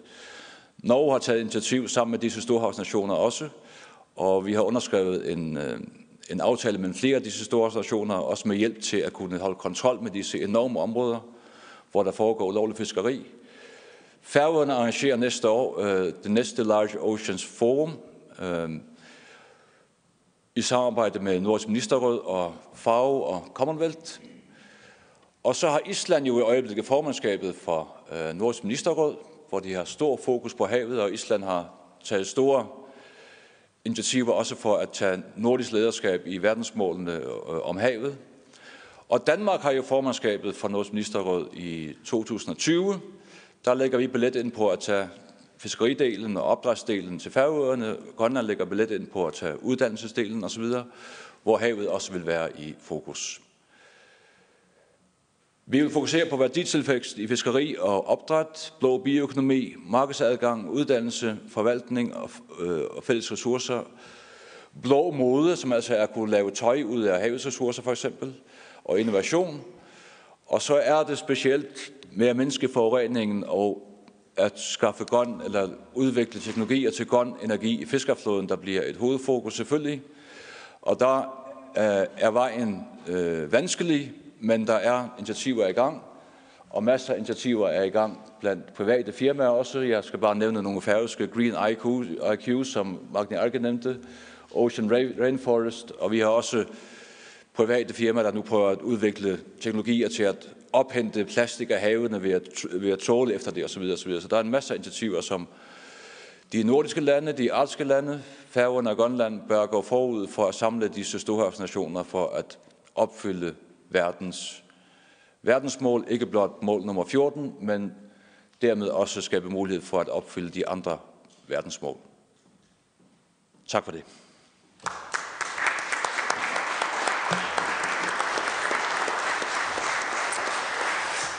Tak for det, Høgne.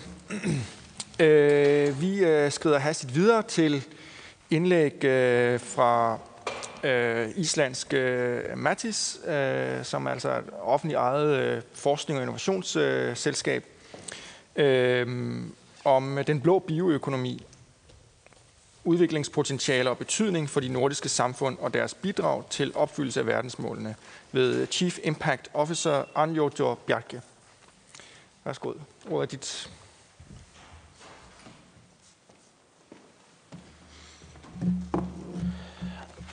Takk. Eriði tilhörere. Jeg hedder Arludur Bjarki og jeg er Bergson og jeg takker for muligheden til at fortælle om hvordan den vestnordiske bioøkonomipanel øh, ser udviklingspotentialer og betydning for de nordiske samfund og deres bidrag til opfyldelse af verdensmålene igennem blå bioøkonomi.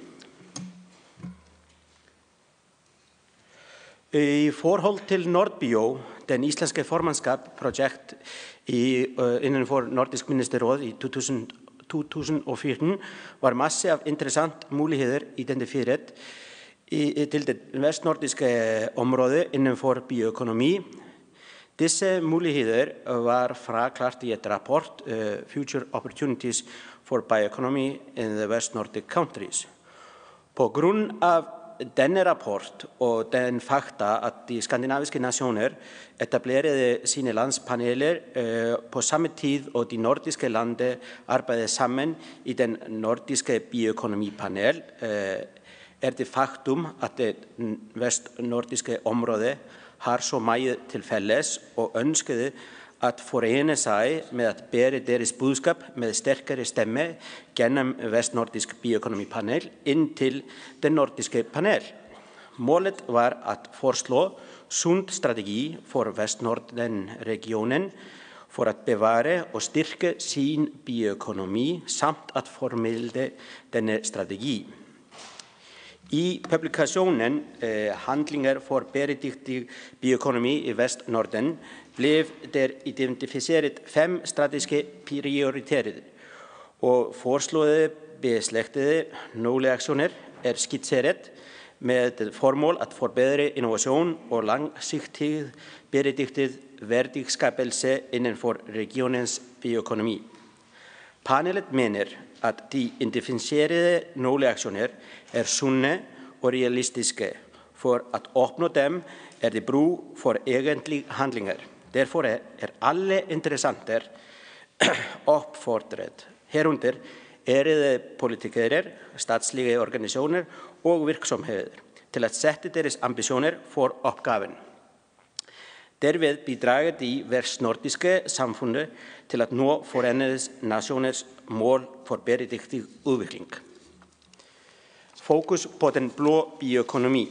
Havets bioressourcer er de vigtigste biologiske ressourcer, de alle vestnordiske lande har, da fiskeri og akvakultur bidrager meget til BNP i alle tre landene, Færøerne, Grønland og Island.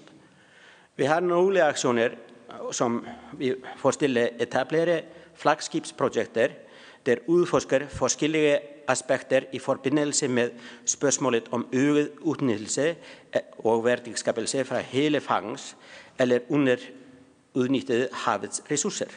Effektiv formidling av muligheter, involvering av interessenter, er avgjørende elementer i et sånn flaggsprosjekt. For å vise fordeler og innflytelse, dermed øke bevisstheten om investorer, industri og samfunn. Underutnyttede ressurser og nye muligheter. Vestnorden-regionen har række biologiske ressourcer til rådighed for bæredygtig og ansvarlig udnyttelse, hvoraf nogle er underudnyttet. Data om disse ressourcer er dog sparsomme, hvilket resulterer i en effektiv beslutningstagning. Nogle aktioner er sikker adgang til nogle faciliteter for at udvikle ressourcer udnyttelse.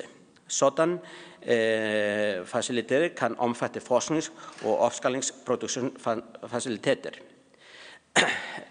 F.eks. en bioraferi med, með ofin aðgang, móbil eller stasjonær og maðurlaboratoriet. Að hafa aðgang til maðurlaboratoriet og et multifunksjonelt biorafinderi demonstrasjonanlegg vil fremskynde utvikling og kommersialisering av forskjellige produkter fra underutnyttet biomasse. Opplýsing om um biomasseforsyning skal gjøres mer tilgjengelig og gjennomsiktig. Dette vil lette nettverkssamarbeidet mellom iverksettere og leverandører av biomasse og muliggjøre mer strategisk produktutvikling samt støtte effektiv fødevarepolitikk. Regional land- og landdistriktutvikling, infrastruktur til støtte innovasjon. Mulighederne inden for bioøkonomien vil sandsynligvis have en positiv indvirkning på indbyggere i området og bidrage til at vente udviklingen hos unge uddannede, især kvinder, fra landdistrikter til større byer og andre lander. øh, vi må i nogle aktioner så er identificeret landdistrikter, hvor bioøkonomien er stærk og har potentiale for yderligere vækst.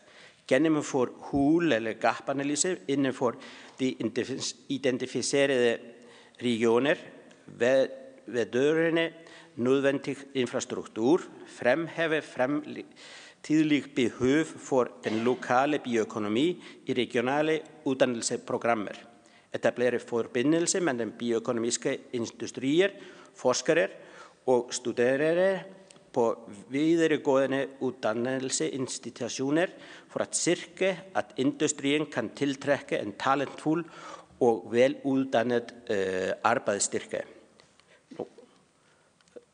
Uh, muligheter over sektorer. Øget magsikkerhet.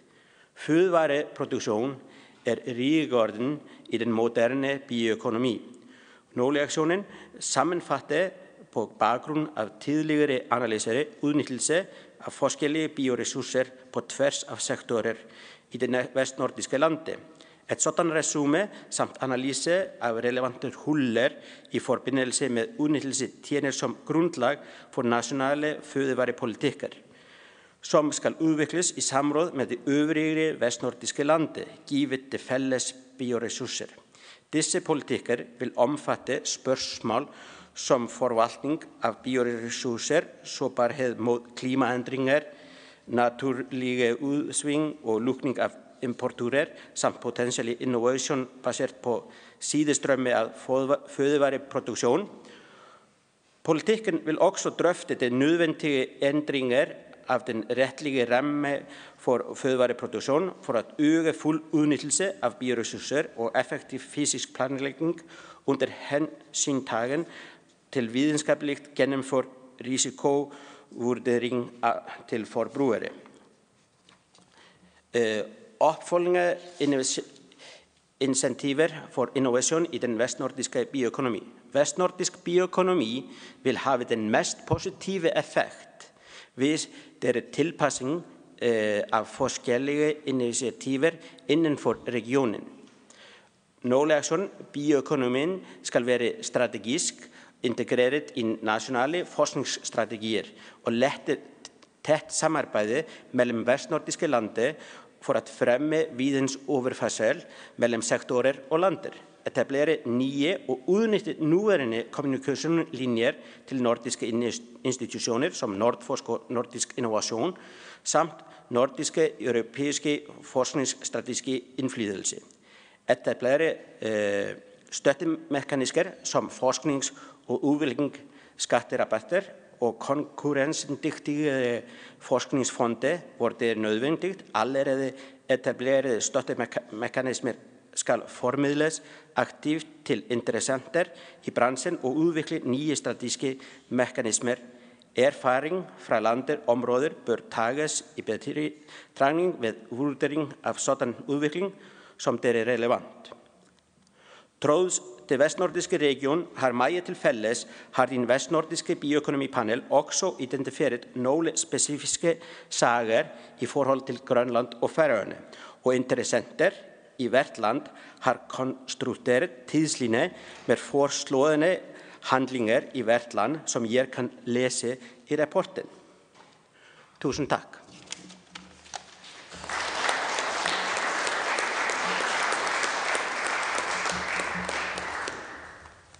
Tak for den øh, præsentation og øh, opfordring til at læse rapporten.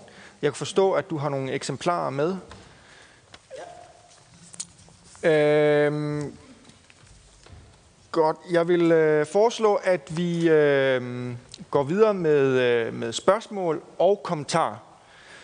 Hvis I har et spørgsmål, så øh, sig, hvem I gerne vil spørge, og hvis det er en kommentar, så marker det en kommentar. Og vi tager bare øh, hvad man har lyst til. Og øh, Sjura var først. Tak for det. Det er et øh, spørgsmål til øh, Minik. Øh, du talte om, at øh, der er nogle ressourcer, som, som alle ved, som Grønland sidder på, som bliver mere og mere værd for hvert år, som går. Der er mange, der gerne vil have fat i de her ressourcer. Og du talte om, at det er vigtigt, at man fra Grønlands side ikke bare har en økonomisk øh, tilgang til det, men også en politisk eller etisk eller, eller moralsk, om man vil. Man skal, man skal vælge, hvem man sælger til, som ikke sælger til det forkerte, så de kan komme i forkerte hænder, de her ressourcer. Øhm, tænker man meget øh, den, i den retning allerede nu i Grønland? Der var jo en stor sag forleden, hvor, hvor øh, der, var, der, der var på tale, at der skulle komme meget store kinesiske investeringer i Grønland. Og netop det fik blev gjort det til en international, en international stor sag, hvor man mente, mange mener her i huset, at det var USA, som, som pressede Danmark til at give meget, meget, meget, meget gavmilde store lån til Grønland, for at undgå, at kineserne kom så kraftigt ind i Grønland. Altså, øh, spørgsmålet på den politiske side, det har jeg ikke så meget forstand på, men på den videnskabelige side måske lidt mere.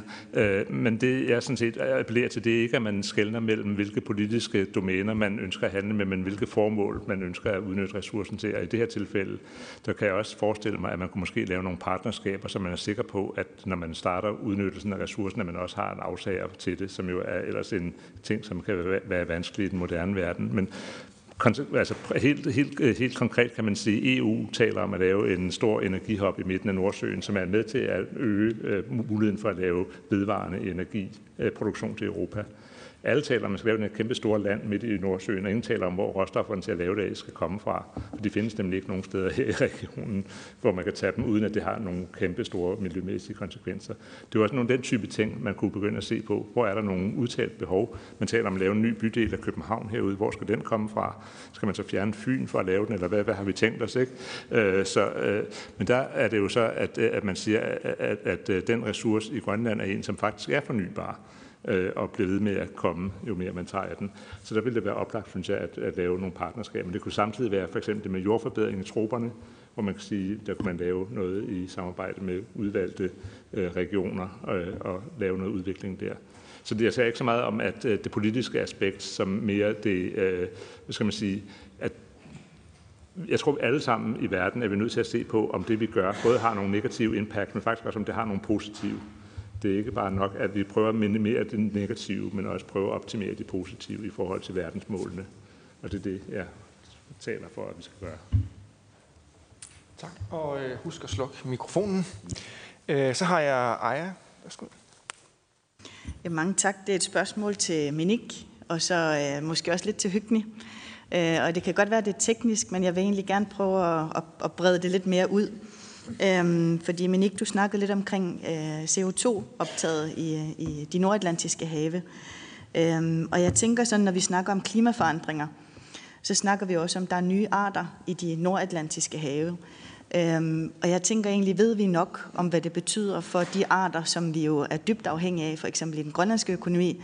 Og her snakker jeg blandt andet om hellefisk og rejer. Altså hele biodynamikken ved vi egentlig nok om det, øh, både, på, både i Grønland og på Færøerne, men også på verdensplan? Er det noget, vi egentlig skal interessere os lidt mere for, også politisk? Tak. Det er helt klart noget, vi skal interessere os rigtig meget mere for, men det er også helt klart noget, som er meget, meget svært at øh, spå om. Altså, det er ingen tvivl om, at man kan forbedre sin evne til at forudse, hvad der vil ske ved at have mere øh, forskning. Der kan man sige, der har Grønland allerede jo ved at, ved at indkøbe et nyt havforskningsskib til Naturinstituttet til, til den type øh, men jeg tror, at øh, det, man har gjort indtil nu, er jo meget øh, sigtet på nogle enkelte arter, som er dem, man arbejder på, hvordan man forvalter dem. Og der tror jeg, man er nødt til at flytte fokus over på den økosystembaserede forvaltning, altså hvor man ser på hele systemet og dets forandring. Og vi ser jo allerede i Grønland, hvordan rejerne rykker nordpå, og hellefiskefiskeriet rykker nordpå osv. Og nye arter kommer ind fra syd. Så jeg tror, at det, man må forvente, det er, at det bliver sværere og sværere at lave langsigtet planlægning af, hvordan man vil udnytte de her ressourcer, fordi deres placering, fordeling osv. Øh, vil være hurtig, under hurtige forandringer. Det tror jeg generelt gælder for klimaforandringer.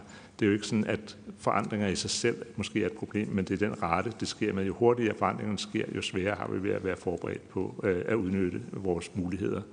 Øh, så det vil sige, at en samlet økosystembaseret forvaltning af hele det nordatlantiske region vil være en kæmpe hjælp til at, øh, at øh, forberede sig på, hvad vi skal gøre. Ja, så har jeg øh, Magne Laksefors. Hey, jeg så den første del, eller de første to indlæg, der var i dag, dem så jeg som meget indadvendte, som øh, fokuseret meget på, hvordan øh, Færøerne og Grønland i sig selv kunne, kunne øh, følge verdensmålene. Hvis den her del har været mere øh, øh fokuseret på, øh, man kan sige, mere udadvendt. Øh, jeg tænkte at spørge Høgten Højdal, øh, for, for mig virker det som om, at den del, øh, altså Large Ocean Nations, virker som et rigtig godt forum at, til den udadvendte del, eller den, den del, øh, som, øh, hvor vi kan hjælpe øh, som forholdsvis rige små nationer, eller øh, rige Large Ocean Nations, kan vi være med til at, øh, at hjælpe nogle af de øh, mindre velstillede Large Ocean Nations. Så for mig virker det som et oplagt sted, et oplagt forum at øh, arbejde med de her verdensmål i den udadvendte del. Vi har jo også brug for at fokusere på indadvendt, men øh, den udadvendte del virker det som om, at det er meget oplagt. Øh, har du nogle bemærkninger til det? Du er velkommen til også at svare på Ajas. Ja, tak. Ja, til Aja, ja, du har helt ret, at, øh, og jeg er enig med Monique, at, at med de klimaændringer, der er, der kommer nye arter, og det, og det er fuldstændig afgørende, at, at du har, øh, kan man sige, videnskabelige grundlag for, for også de, den udnyttelse, du, du foretager af havets ressourcer. Øhm, og specielt vil jeg sige, for, også for de migrerende, altså de fiskearter, der færdes rundt i, i, i vores forskellige have. Og ikke, ikke kun på grund, men selvfølgelig først og fremmest på grund af biologisk bæredygtighed, men jeg, jeg mener også, at videnskabeligt baseret fælles undersøgelse af disse øh, bestande eller arter er også fuldstændig afgørende, for at vi også skal få fordelt dem politisk. Så vi ikke bare bruger, kan man sige, øh, gammeldags næsten øh, krigsmetoder for, for, for at kæmpe om, om, hvem der nu har ret til makrallen. Det må baseres på, hvor den er, hvor, hvor den vokser op, hvor den gyder osv. osv. på nogle kriterier, som du kan måle objektivt. Så i den sammenhæng er det også meget, meget vigtigt, hvis vi, hvis vi ikke skal få det overfiskeri, som vi nu ser af nogle af de fælles, fælles arter, som vi forvalter. Og så til magtene, ja. Øhm, jamen, jeg synes, det er meget afgørende, at, at, øh, at de nordiske lande har et, et lederskab, når det gælder øh, det, som vi har kaldt for Large Ocean Nations. Men jeg er lidt øh, forsigtig med at dele det op, ligesom FN gør i det, de kalder for SIDS, Small Island Development States, at vi igen deler verden op i udviklingslandene og de rige lande. For der er ingen tvivl om, at vi har meget teknologi, som også kunne, som vi har allerede kontakter til mange af disse lande, som, som de kan bruge. Men vi har også meget at lære dem. Så, så jeg synes, man skal, man skal have det som et, et jævnbyrdigt forum. Øh, men der vil være udviklingsprojekter. Så i færøerne har, har vi jo været det femdoblet, tredoblet vores, vores konto til det, det man i dag, det, det man før kaldte udviklingshjælp, eller udviklingstiltag, og de øh, har man tænkt meget skal gå på, også på fælles øh, projekter, joint ventures, som, som gælder udnyttelsen af havets ressourcer. Øh, så der ligger store muligheder der, men, jeg, men vores første erfaring er også, at vi har, vi, vi har meget at lære også af disse, disse lande, både af deres dårlige og deres gode erfaringer. Deres dårlige erfaringer, hvis vi bare tager et land som øh, Kiribati, som, øh, som jeg viste der, måske det, det syvende største land i verden, når vi tager land og hav, de har fået næsten ingenting ud af deres egne ressourcer. Det hele bliver næsten udnyttet af, skal vi sige, de multinationale firmaer. Øh, det samme gælder for mange af disse østater i, i, i Stillehavet, hvor der slet ikke er nogen, øh, kan man sige, indtægtsskabende innovation eller noget, som, som direkte knytter sig til udnyttelse. Det bliver bare enten solgt eller givet til, til, til, til store firmaer, ofte fra Europa. Så der ligger et enormt potentiale i samarbejdet der. Så har jeg øh, Alejandra på listen. Ja, øh, jeg synes, det var meget øh, interessant, hvad Minik sagde omkring øh, minimere det negative og maksimere det positive. Øh, jeg synes, det ligger rigtig meget i det her. Øh, vi har, eller man har tendens til at tænke i nye muligheder rigtig, rigtig hurtigt øh, i forbindelse med klimaforandring. Der er nye fiskearter, der er på vej, og der vi ser kroner og øre, og vi ser dollars, og vi ser alt muligt. Og vi ser mange muligheder i klimaforandringstegn. Men meget ofte øh, ser vi mere måske mulighederne mere tydeligt, end vi ser det negative, øh, når det kommer til stykket. I hvert fald for, for vores del af, af, af verden. Og det gør så også, at øh, vi ved øh, i bund og grund ikke så meget om, hvilke konsekvenser klimaforandring bringer med sig for vores allerede eksisterende økonomi. Hvordan den kommer til at, øh, hvordan den kommer til at se ud øh, for fremtiden. Fordi vi sætter så meget fokus på det positive og det nye og muligheder. Hvor forberedt egentlig er vi i, i, i vores region, synes jeg er meget vigtigt at tage med. Under Arktisk Råd har vi jo lavet en bindende aftale, som siger, at øh, al ureguleret fiskeri i Polhavet skal være forbudt indtil alle landene har været med til at sætte fokus på, at det er øh, vidensbaseret baseret, øh, tilgang, og alle er enige omkring det her. Er det den vej, vi skal hen øh, for at øh, binde, binde øh, vores lande til en fælles aftale for at sikre, at vi alle sammen lever op til, øh, til vores verdensmål, eller også være med til at sikre, at vores egen region øh, bliver en brand, eller øh, at vi styrker vores, øh, styrker vores position i de områder, i, i den konkurrence, vi er i. Det er sådan et mere åbent spørgsmål til, hvem der har lyst til at svare på det. Ja, er der nogen, der har lyst til at svare kort øh, på det? Og så har vi et enkelt spørgsmål til. Øh, ja, Hygne. Ja, det, det kan jeg svare kort.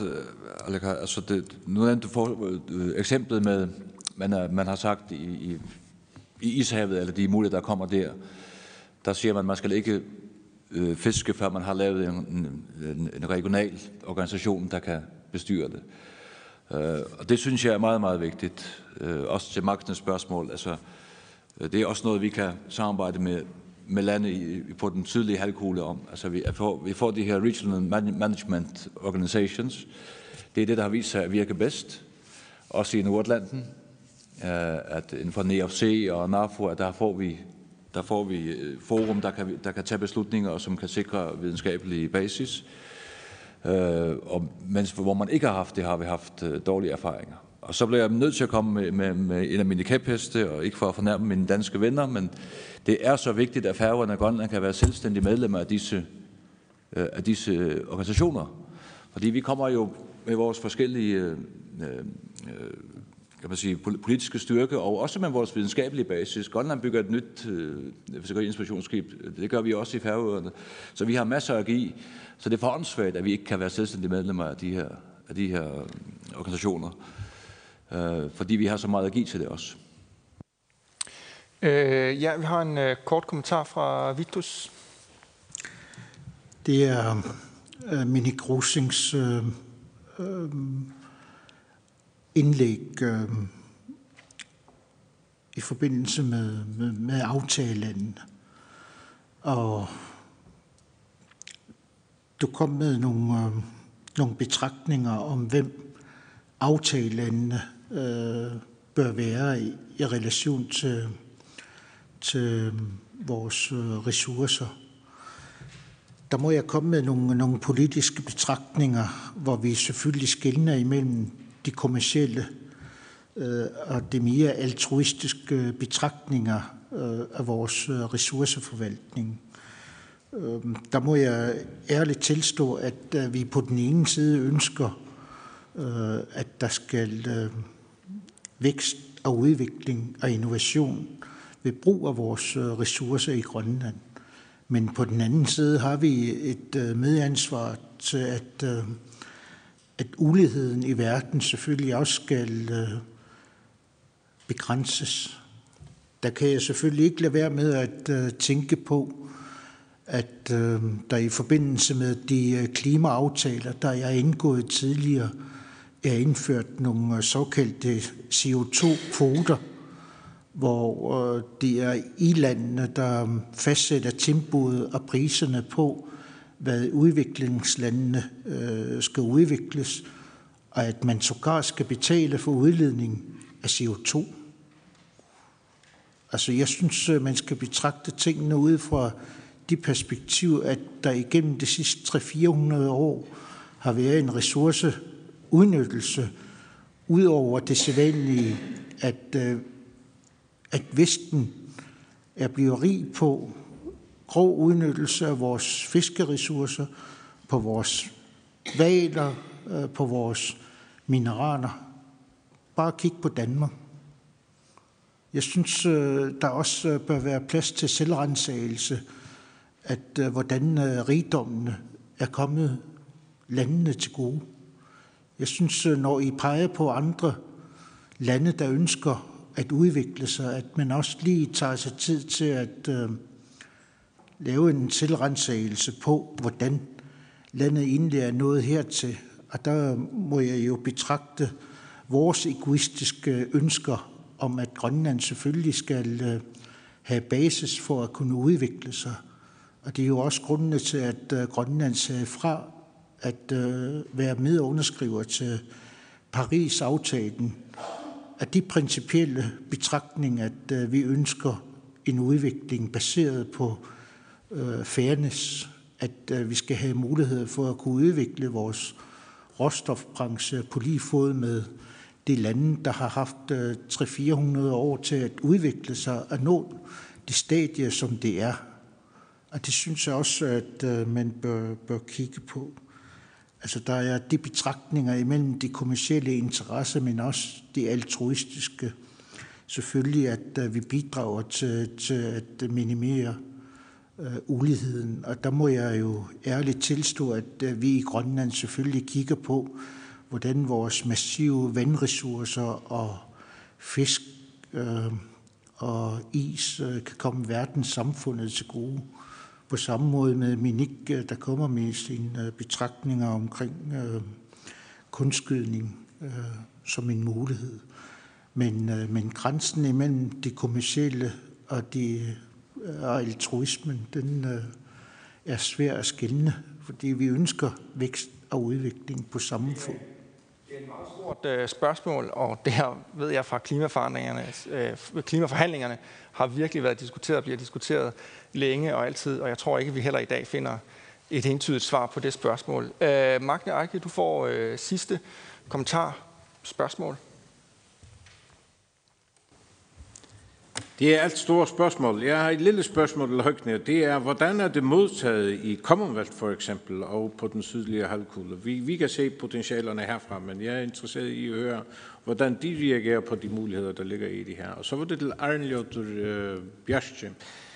Øhm, det var en stor bid, der kom op på tavlen, og jeg har ikke set rapporten, men jeg er meget interesseret i at høre, hvad I mener er de, skal vi sige, de tre største potentialer, og Findes der en måde at kvantificere det på? Altså, har vi mulighed for at skabe værdier for de nationerne ude i Nordatlanten, der er 50 procent større end hvad vi har i dag, eller dobbelt så store, eller hvad, hvad, hvad er det, kan, kan, kan I måle det på nogen som helst måde, hvad der, hvad der ligger af potentialer i den udvikling af blå bioøkonomi de næste 5-10 år? Har I svar på det? Ja, tak for spørgsmålet. Jeg må måske begynde, øh, hvis jeg hørte på, rigtigt på dig, så her tidligere i dag, så las du om Lise i Eventyrland. Og Alice i Eventyrland, var det ikke? Og hun, den røde dronningen, hun sagde, at man skulle ikke gå langsomt. Vi må bevæge os hurtigt. Og vi må bevæge os hurtigt, hvor, hvor, hvor, hvor hvar som við komum frá. Og ég sýnist að það er ekki kun útviklet landir eller útviklingslandir. Við erum allir útviklingslandir fordi nú for andri verðin sæði svo, svo hurtigt við hafði ekki setið tidligari og það er múliðir til að auga verðinu og við hafði sett eh, það er kun spörsmál um om virknir merknað við skan vi kan finne for våre produkter, hvor mye vi kan øke våre verdier. Øh, vi, og så er det også øh, en spørsmål i forhold til hva er vi við að auka voris verðir. Er þetta øh, laun, er þetta arbeidspladsir, eller er þetta betri líf, hvis vi tænker på andre verdensmål, så er det al almindelig helse, det er øh, uddannelse. Vi kan øge værdierne i flere øh, metoder end kun på kroner, danske eller færøske eller grønlandske. Vi kan også øge værdier med videnskab og sam tættere samarbejde. Og jeg siger, du og alle andre kan få et uh, kopi af disse rapport. Vær så god. Tak. Øh, Hygne, du har en kort kommentar.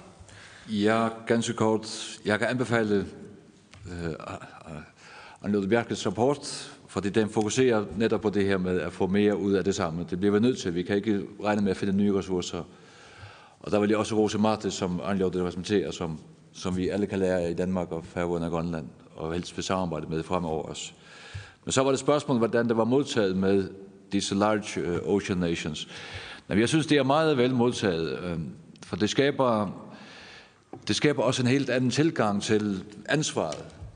Øh, lidt ved det her med at vende perspektivet på hovedet, ved at det altid er små, og vi kan ikke så meget, og vi kan ikke noget. Og, men pludselig ser man jo, at verden består jo af disse storhavsnationer, som har et enormt potentiale og ansvar for at gøre noget ved det, hvis man samarbejder. Så det er blevet meget, meget vel modtaget i alle de lande, der har deltaget hidtil. Og interessen er stor for at deltage i det næste forum. Ja, så nåede vi til øh, slutningen af de to første sessioner og er klar til en kaffepause. Jeg vil blot her øh, indskyde, at der er også andre måder at samarbejde på end øh, inden for FN's øh, verdensmål med de 17, øh, verdensmål nummer 17 i Arktisk Råd.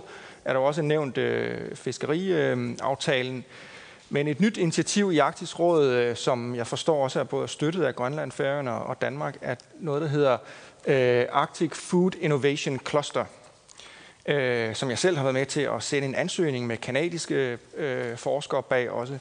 Og det skal jo ikke netop kun fokusere på, øh, hvordan vi bruger øh, nuværende havressourcer og, og fødevareressourcer, men også hvordan vi kan innovere det til nye produkter, helt nye og anderledes produkter, og dermed øh, komme længere op på værdikæden. Øh, så der sker altså øh, mange ting, ikke kun inden for, øh, for, for verdensmålene, men også øh, bredere set i Arktis. Og det, øh, og det er meget positivt. Så vil jeg øh, lige sige, øh, hvis I snakker om noget spændende i pausen, så øh, tag det med her ind bagefter, så vi kan øh, få det øh, bragt på banen også. Og lad os mødes igen øh, kvart over fire. Sidste tema, og øh, nu skal vi øh, lidt mere ind i øh, substansen af det, der er vigtigt i Nordlanden, nemlig øh, fisk. Øhm, og nogle steder får selvfølgelig også vigtigt, men det kan vi gemme til en anden gang. Øh, når der har været øh, tre præsentationer, så vil jeg give mulighed for spørgsmål øh, fra øh, publikum. Øh, og vi kan måske starte med at sige tre spørgsmål.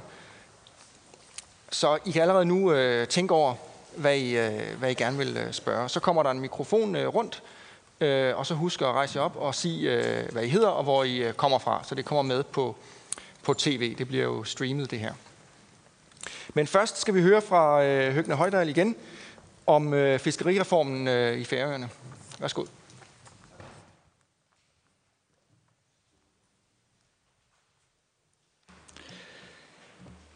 Tak for det.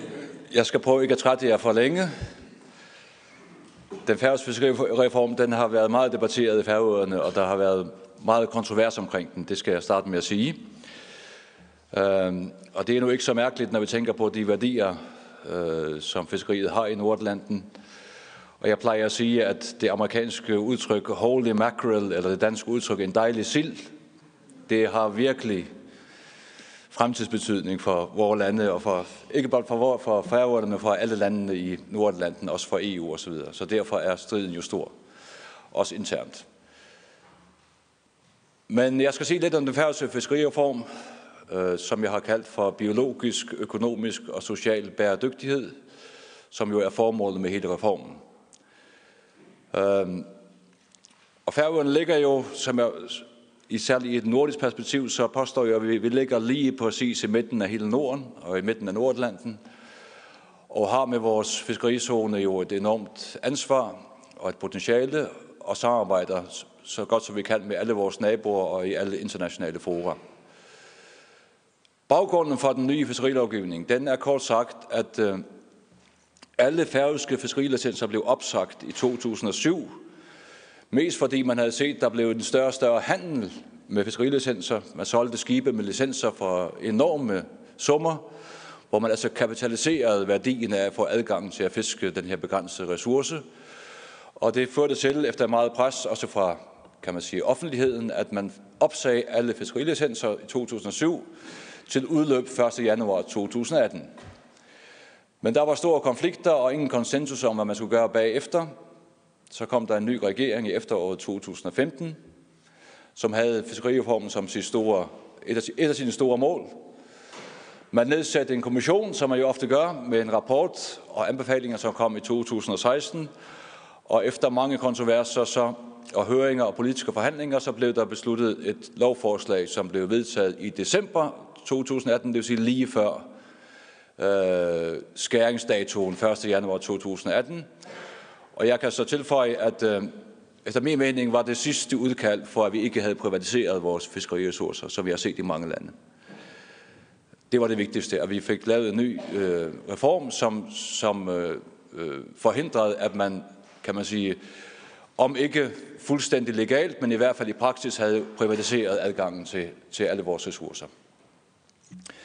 Men den har været kontroversiel, som I kan se på de færøske karikaturtegnere. Det er mest det her perspektiv, der har været gældende, at øh, reformen har halveret den nuværende del af, eller den eksisterende del af fiskerierhvervet, og at det har været sådan et projekt fra en øh, rimelig underlig fiskeriminister, og så videre, og så videre.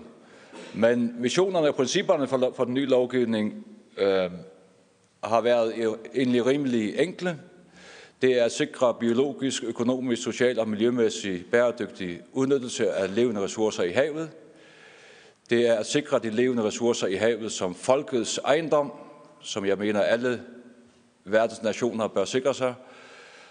Nogle steder er det måske for sent, men det er det, øh, det vigtigste punkt øh, for, for vores regering, øh, uden tvivl at skabe rammer for de bedste samfundsøkonomiske afkast fra de erhverv, som får adgang til at høste og værdiforøge de her begrænsede ressourcer. At skabe adgang og jobtilvækst, indtægtsmuligheder, udvikling og innovation i hele landet. Det er også en erklæret vision, som står i selve den vedtagende lov. Og så er det at sikre forpligtende bilateralt og internationalt samarbejde øh, for færøerne på alle områder i fiskeriet. Videre så har vi forsøgt at øh, sige, at vi skal skabe rammerne for liberalisering af erhvervet. Jeg har sat delvis i parentes, fordi at det blev et kompromis til slut selvfølgelig. At skabe rammer for en delvis markedsbetinget eller markedsbaseret adgang til ressourcerne. Øh, ikke mindst at skabe rammer for, at det såkaldte ressourcerente, altså den her ekstra værdi, som det er at få adgang til en begrænset ressource. Det tilfalder folket og ikke private øh, firmaer. Og så selvfølgelig værditilvækst i alle dele af værdikæden, som er det vigtigste. Det er hele formålet med reformen. Målsætningen i lovforslaget er, at vi skal fordoble værdien, eller mindst fordoble værdien af vores fiskeri eller vores fiskeriprodukter i løbet af de næste 10 år. Og vi skal gå fra at være en råvareeksportør til at være en madvareproducent og producent af marine kvalitetsprodukter på højst niveau på verdensplan. Vel, men det har vi så forsøgt at udføre med tre øh, hovedsøjler. Det er biologisk bæredygtighed, det er værditilvækst i færøerne, det vil sige økonomisk bæredygtighed for den færøske økonomi og for de færøske erhverv og folk. Og så er det erhvervsmæssig og social bæredygtighed, som handler om adgangen til fiskeriet. Det er de tre hoveddele. Den biologiske bæredygtighed, der har vi vedtaget øh, under meget stor hej og debat, at vi skal gå over til kvoter for det havgående fiskeri fra 2020. Det er endnu under debat. At man skal benytte et såkaldt fiskedagesystem for kystflåden, for de mindre fiskere. Og at der skal være forvaltningsplaner for alle fiskearter, øh, som vi fisker ved færøerne. Selvfølgelig også for dem, vi har fælles med andre lande. Det er så vedtaget. Så er der elementet om værditilvækst. Der er, øh, siger loven, at alt af fisken skal landes. Det betyder også hovedet, indvoldet, altså alt det, der i dag i stor grad smides væk. Det skal landes, det bliver så implementeret øh, øh, trinvis. I princippet skal alt fisk landes på færøerne, eller i færøerne. Der er nogle undtagelser for at give mulighed for, at man værdiforøger det i færøerne. 25 procent af alle landinger skal udbydes på en fiskeauktion, så der er adgang for øh, firmaer til at kunne få mere ud af den. Alt mandskab skal aflønnes i henhold til færøske overenskomster. Og så også meget kontroversielt, at selskaber og personer med fiskerettigheder skal være bosiddende og skattepligtige i Færøen. Der kan ikke være udenlandsk kapital for dem, der har adgang til at fiske. Der må gerne være udlændinge, men så skal de bo på Færøerne og være skattepligtige. Og så har vi vedtaget også, at en del af ressourcebeskatningen skal gå til innovation, udvikling og forskning, hvor vi blandt andet har samarbejdet med det islandske Martis, som Anjov de Bjerste repræsenterer, for det mener vi er utrolig vigtigt for at kunne opnå målsætningerne. Så er der adgangen til fiskeriet. Det er det store stridspunkt. Og det er blevet et blandet system. Øh, de, som har været i erhvervet øh, forud, de har fået otteårige kvoterettigheder, som lavting eller parlamentet kan forlænge øh, øh, årligt, og de skal betale en ressourceafgift eller beskatning af disse, øh, af disse ressourcer. Så er der auktioner af, fiske, af adgang til fiskeriet. Det er det, jeg mener med den delvis markedsbaserede øh, model. Mellem 15 og 25 procent af de store arter bliver udbudt på auktion øh, i etårige, treårige eller otteårige auktionskvoter. Og så er der en del, der er regionale udviklingskvoter. Øh, også et blandet system, hvor der bare skal, både skal fokuseres på innovation, men også på udvikling af regionerne i Færøerne. Selvom Færøerne er et lille land, så har vi også præcis de samme regionale udfordringer, som man har i, i Danmark og andre steder. Så er der vedtaget et, et øh, antitrust, det vil sige, at ingen skal kunne have øh, kan rådighed over mere end 20 procent af de samlede rettigheder. Og så er der også højere øh, antitrust-regler for de enkelte fiskerier.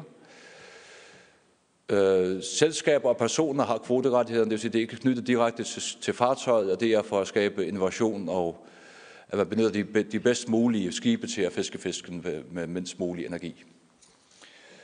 Og så er der en brugspligt. Hvis du ikke bruger dine rettigheder, så falder det tilbage til staten og kan udbydes igen. Det er det, der er vedtaget.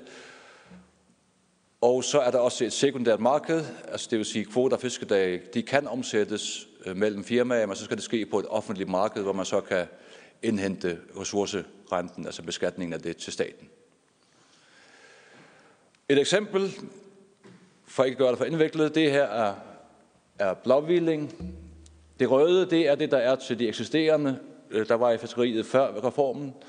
Det blå, det er det, der udbydes som etårige, treårige og otteårige kvoter på auktioner. Og så er der sat en grænse, at hvis kvoterne vokser, så skal alt udbydes på auktion. Så den del, der er på auktion, kan variere mellem de her 15 procent op til 40 46 øh, procent, som det er i dag, for eksempel for sild. Fordi kvoterne vokser, alle nye kvoter skal kunne udbydes øh, til, øh, til alle, der vil deltage i erhvervet.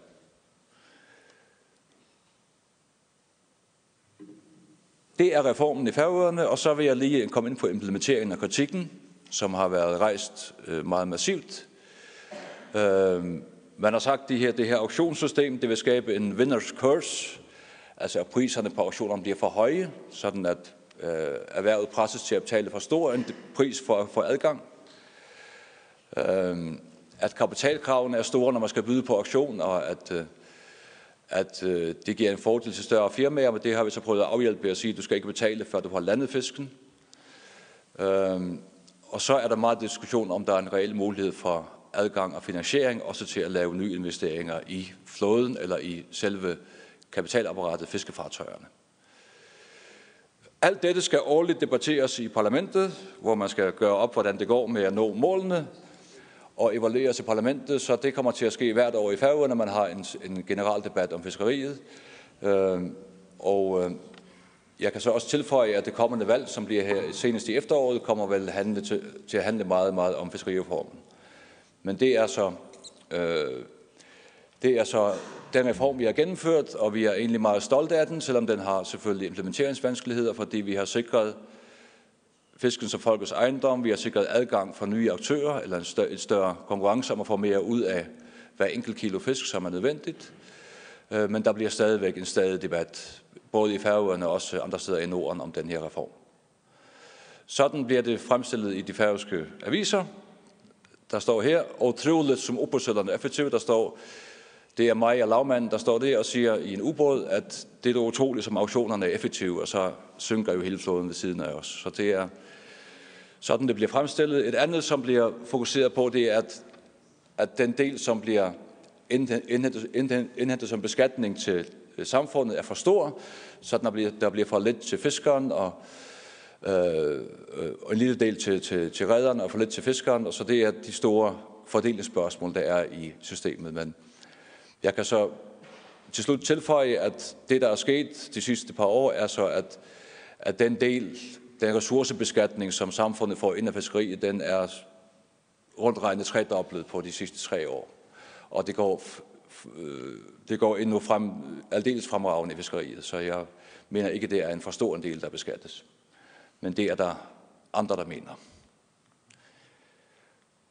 Så jeg lige sluttede det sidste lag bare med, med, med de, de udfordringer, der er. Der er jo ikke kun de interne.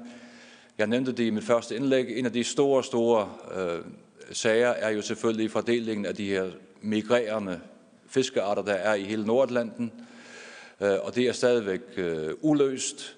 Vi har nu fået øh, selvfølgelig Storbritannien ind som en ny aktør, også som et så, såkaldt kyststat, så det gør det ikke direkte nemmere at få en løsning. Men set fra et grønlandsk perspektiv, så tror vi ikke, at det, at Storbritannien bliver en, en ny fiskerination her, øh, kommer til at skade vores øh, interesser, men det er selvfølgelig flere beboere, der skal fordele den her store fælles ressource, der findes i hele Nordatlanten, og som har en så stor værdi. Men udsigterne er gode, og for de nordatlantiske storhavsnationer, så ser jeg fremtiden egentlig som, som meget, meget lys for at nå de mål, vi har sat os. Tak for det.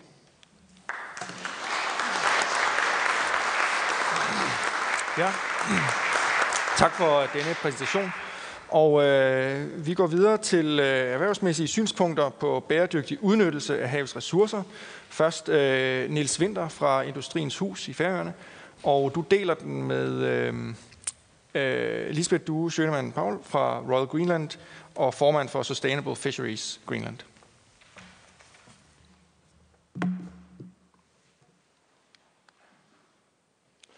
Ja. God eftermiddag alle sammen. Jeg vil prøve at gøre, hvad jeg kan for ikke at gå ind i tiden hos øh, mine kolleger, der sidder derovre. Øhm, først så vil jeg lige sige, at øhm, nu har jeg arbejdet i Industriens Hus i nogle år, og inden det i, i Erhvervsministeriet også. Det er sjældent, at man ser øhm, noget give genklang på samme måde, som de her FN's verdensmål har givet i, i øh, industrien på færøerne. Det er faktisk helt sjældent at se, hvor, hvor, hvor højt folk går op i de her verdensmål. Øh, nu er Bakkafrost blevet nævnt flere gange i dag, men også andre virksomheder øh, har taget verdensmålene til sig og virkelig har, har sat dem på, på dagsordenen. Øh, både udadtil i sin markedsføring, men også indadtil i, i, i sin virksomhed. Og det synes vi selvfølgelig i Industriens Hus er vældig spændende, så vi er vældig glade for at være inviteret med her i dag. Øh, den her figur har I sikkert set før. Det, det drejer sig om, hvad er det at være bæredygtig. Der er ligesom tre dimensioner af bæredygtighed. Der er den, den, øh, eller de tre P'er, som man siger, planet og people og profit, som alle sammen skal, skal, skal hænge sammen for, for at vi har, har virkelig bæredygtighed. Øh, det, der altid undrer mig, når jeg ser den her figur, det er, hvor, hvor lille egentlig det, det område er, hvor, hvor de tre øh, cirkler mødes. Øhm, og øhm, faktisk øh, så mener jeg, at, at, hvis man, øh, at hvis man tænker på langt sigt, så bør det næsten være en cirkel, fordi at vi kan ikke have en bæredygtig miljømæssig udvikling eller en økonomisk øh, udvikling, hvis ikke vi, vi, øh, vi tænker på lang sigt, sådan at de her tre ting hænger sammen, og ikke sådan som adskilte parter. Så, så vi bliver nødt til at prøve at implementere et langt sigt i, i vores øh, planlægning. Øhm, men jeg har kun 10 minutter i dag, så jeg har valgt at tage fokus på, på øh, øh, tre af de her øh, mål. Øh, selvom jeg virkelig gerne vil tage en hel masse andre ting op omkring uddannelse, omkring øh, ligestilling osv., så, videre, så har jeg valgt at fokusere på, øh, på øh, øh, mad til verden, og til, på, på klimaet, og på så øh, nummer 14, som egentlig er hoveddiskussionen øh, her i dag omkring livet i havet. Det, som det drejer sig om, det er at skabe kvalitetsproteiner til verden. Øhm, marine arter, eller, eller fisk, det er generelt en sund spise til at få dækket vores proteinbehov her i verden. Men øh, vi øh, ved, at, at øh, befolkningen i verden øh, øges, og vi regner med at blive op mod 10 milliarder i 2050. Det vil sige, at vi skal til at have, have, have produceret nogle flere proteiner til verden i forhold til, hvad vi gør i dag. Og hvordan gør vi så det? Jo, altså som øh, Høgtene også nævnte før i dag, så er det, er det kun cirka 2 procent, der, der kommer fra, fra havet, og vi mener, der er, der er et stort potentiale for at få øget det. Hvis vi kigger på fiskeri, jamen så drejer det sig om at optimere, hvad vi, hvad vi tager ud af fiskeriet. Øh, men vi kan ikke sådan ud over det forøge, hvad der er af ressourcer i, i, i havet. Det vil sige, at det drejer sig om at, at, at fastsætte et bæredygtigt øh, øh, øh, tal for, hvor mange fisk vi tager ud i af vores fiskeri i vores egne økonomiske zoner, øh, og også i det, der, hvor vi har en, en delt, øh, øh, øh, delt ansvar. Øh, og det har vist sig, at faktisk øh, på færgerne i hvert fald er være, er være lige svært, stort set. Øh, det er, det er, øh, det, der, der, der er forskellige øh, udfordringer i forhold til det første og til det andet. Øh, selvfølgelig, når det kommer til, til ens eget IEC, jamen, så kan man lovgive selv, og når man har en, en delt ressource, jamen, så, har vi, så har vi øh, flere, der er involveret i, i, øh, i, øh, i de forhandlinger, der er, og det har vist sig til tider i hvert fald at være, være vældig vanskeligt at nå til, til, til et kompromis. Øhm, det næste, som man kan gøre, det er selvfølgelig at prøve at få mere ud af de fisk, som vi så får op. Øh, det vil sige, at vi kan bruge altså en, en højere utilization, altså en højere øh, Øh, øh, benyttelse af den her fisk her, så at vi, at vi kan producere nogle, nogle, nogle produkter, hvor vi, vi bruger de ting, som man måske i dag i, i større grad øh, øh, ikke benytter, altså der, der ender som affald. Det er de to ting, man kan gøre til, til, til fiskeri. Hvis vi kigger på akvakultur, så har vi nogle, nogle, nogle flere muligheder der. Og øh, en af dem er at komme ud på ud og, og, og have opdræt på de steder ude på havet, hvor vi i dag ikke har mulighed for at have opdræt. Øh, opdrættet begrænses af, at vi skal have rimelig øh, stille vand der, hvor vi skal have opdræt. Så, så, øh, men kan vi komme længere ud, jamen så, så er der i princippet ingen begrænsninger for, hvor, hvor, hvor meget vi, vi kan producere. øhm. Så har vi, er vi også øh, på det næste her, så har vi øh, også øh, det, at vi skal have fisk kortere tid i søen. Øh, og det gør man på den måde ved at, sige, at vi, vi bruger delvis landbaseret anlæg. Når vi så kan have fisk en kortere tid i søen, jamen, så kan vi få en større biomasse igennem på søen, og derved kan vi producere mere øh, fisk på den måde. Øh, vi kan have nye arter på færgerne og andre steder, der eksperimenterer man med at sige, øh, kan vi, kan vi have fisk, øh, tang, muslinger og den slags ting, til at, ligesom at, at, at være sammen, og, og kan, kan vi få, få det til at, til at virke sammen. Og så har vi endelig til, til sidst, har vi så øh, innovation i, i udnyttelse af, af, af restråvarer. Og der kan jeg for eksempel nævne det, at mange af de restråvarer, der er inden for opdræt, de bliver brugt til både til madvarer, men også er man begyndt nu, som jeg kommer ind på lidt senere igen, øh, øh, at bruge det i biogasanlæg. Hvad kan vi så gøre? Jo, når det kommer til fiskeri, så kan vi fastsætte nogle kvoter eller nogle fiskedage, der fastsætter et bæredygtigt, en bæredygtig udnyttelse af ressourcerne. Det er det første. Det næste det er, at vi kan øh, lave nogle forvaltningsplaner for fiskebestanden, som man også er i gang med at diskutere på færøerne, øh, som gør det, at vi får en mere stabil udvikling, også i, for, i øh, forhold til den økonomiske og til den sociale bæredygtighed. Så har vi de tekniske reguleringer, øh, hvor vi kan både øh, i, i forhold til, at vi, at vi øh, bruger øh, teknologi, der, der, der, der gør os mere effektive. Der er blevet nævnt flere eksempler her i dag. Green IQ er blevet nævnt, og, og andre, at, at der, der producerer øh, øh ny teknologi. Og så kan vi gøre det, at vi kan modarbejde øh, ureguleret og ulovlig fiskeri. Og det kan man gøre på forskellige måder, blandt andet ved at fastsætte øh, nogle højere straffe for, for, øh, for ulovlig fisk. Så øh, til sidst forskning og udvikling i produkter, og det har vi hørt Arne snakke om, så det vil ikke så meget mere ud af. Når det kommer til akvakultur, så er det incitamenter til forsøg med opdræt øh, på udsatte lokationer til, på åben hav. Det kan være interessant for os. Øh, vi kan have forskning og udvikling i alternative foderkilder. Øh, selvfølgelig en af de øh, stopklodser, der er for at ekspandere, når det kommer til opdræt ude på søen, det er adgang til, til marine ressourcer til, til foder. Og der er der så en øh, forskning og udvikling i gang i at finde alternativer. For eksempel når det kommer til, til alger, alger og, og andre ting, som, som er, er interessante, det mesopelagiske kompleks. Fælles, jamen der er det, at vi kan sikre en bedre markedsadgang til de internationale markeder. Det er, tror jeg, er et, et problem. Hvis vi skal ud og føde verden, jamen så må vi også have adgang til de markeder, hvor, som gerne vil aftage vores, vores øh, høje kvalitetsproteiner. Så det er også en ting, som man kan kigge på. Vi vil have det fra et rent hav, og det betyder det, at, øh, at øh, øh i Nordlanden, der der er vi afhængige af at have et rent hav. Øhm, vi skal øh, påvirkning af havmiljøet fra, fra forurening. Øhm, øh, den er godt nok mindsket her de sidste år. Vi kan se det på, på forskellige øh, undersøgelser, der bliver, der bliver foretaget, at, at det går i den rigtige retning, men vi kan stadigvæk gøre mere. Det er muligt at gøre mere. Vi har stadigvæk problemer i forhold til mikroplast og til visse miljøgifte også. Så, så det, at man fra FN's side og fra øh, de lande, der er her, sætter fokus på det, det mener vi er absolut vigtigt. Øh, og det er kun, kan man sige, på overstatsligt niveau, at vi kan løse de her problemer. Så vil jeg kigge lidt på, på vores øh, klimaaftryk, fordi vores udgangspunkt er faktisk ret godt.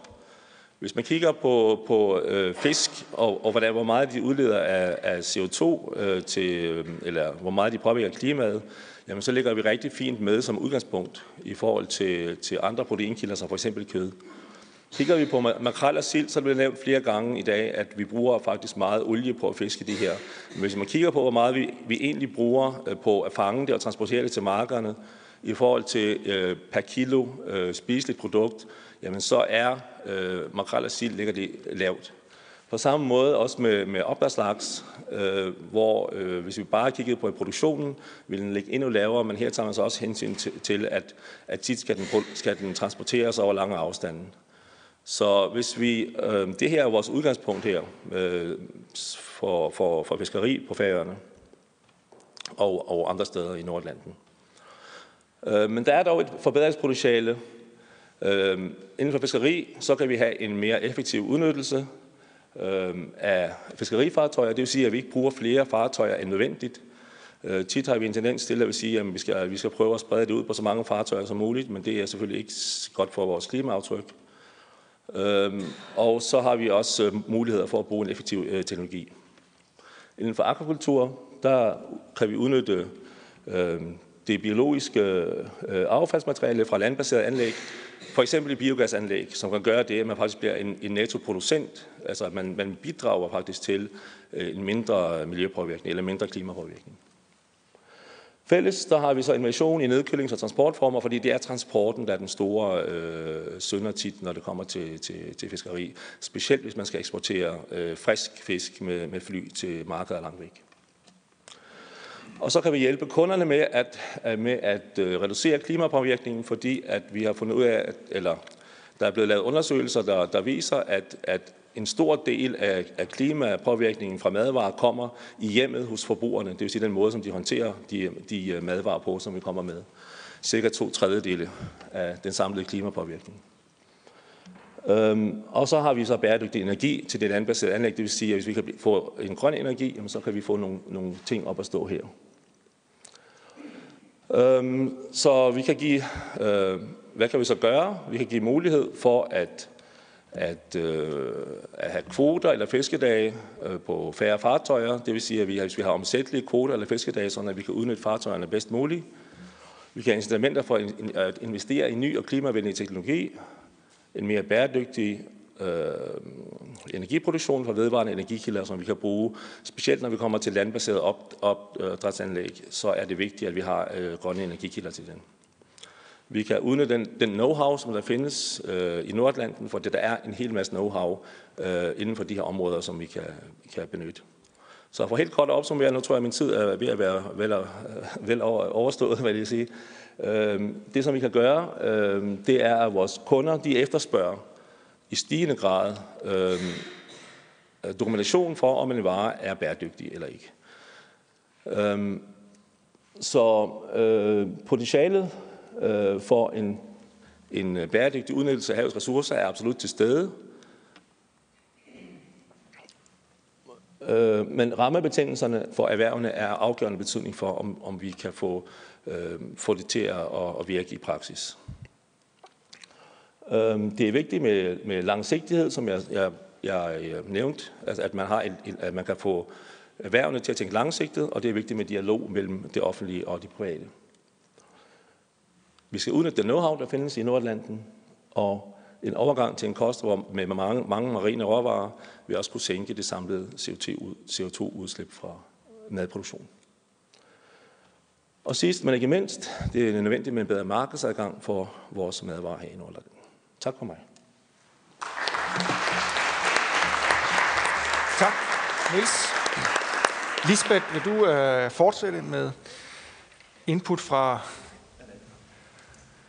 fra erhvervet?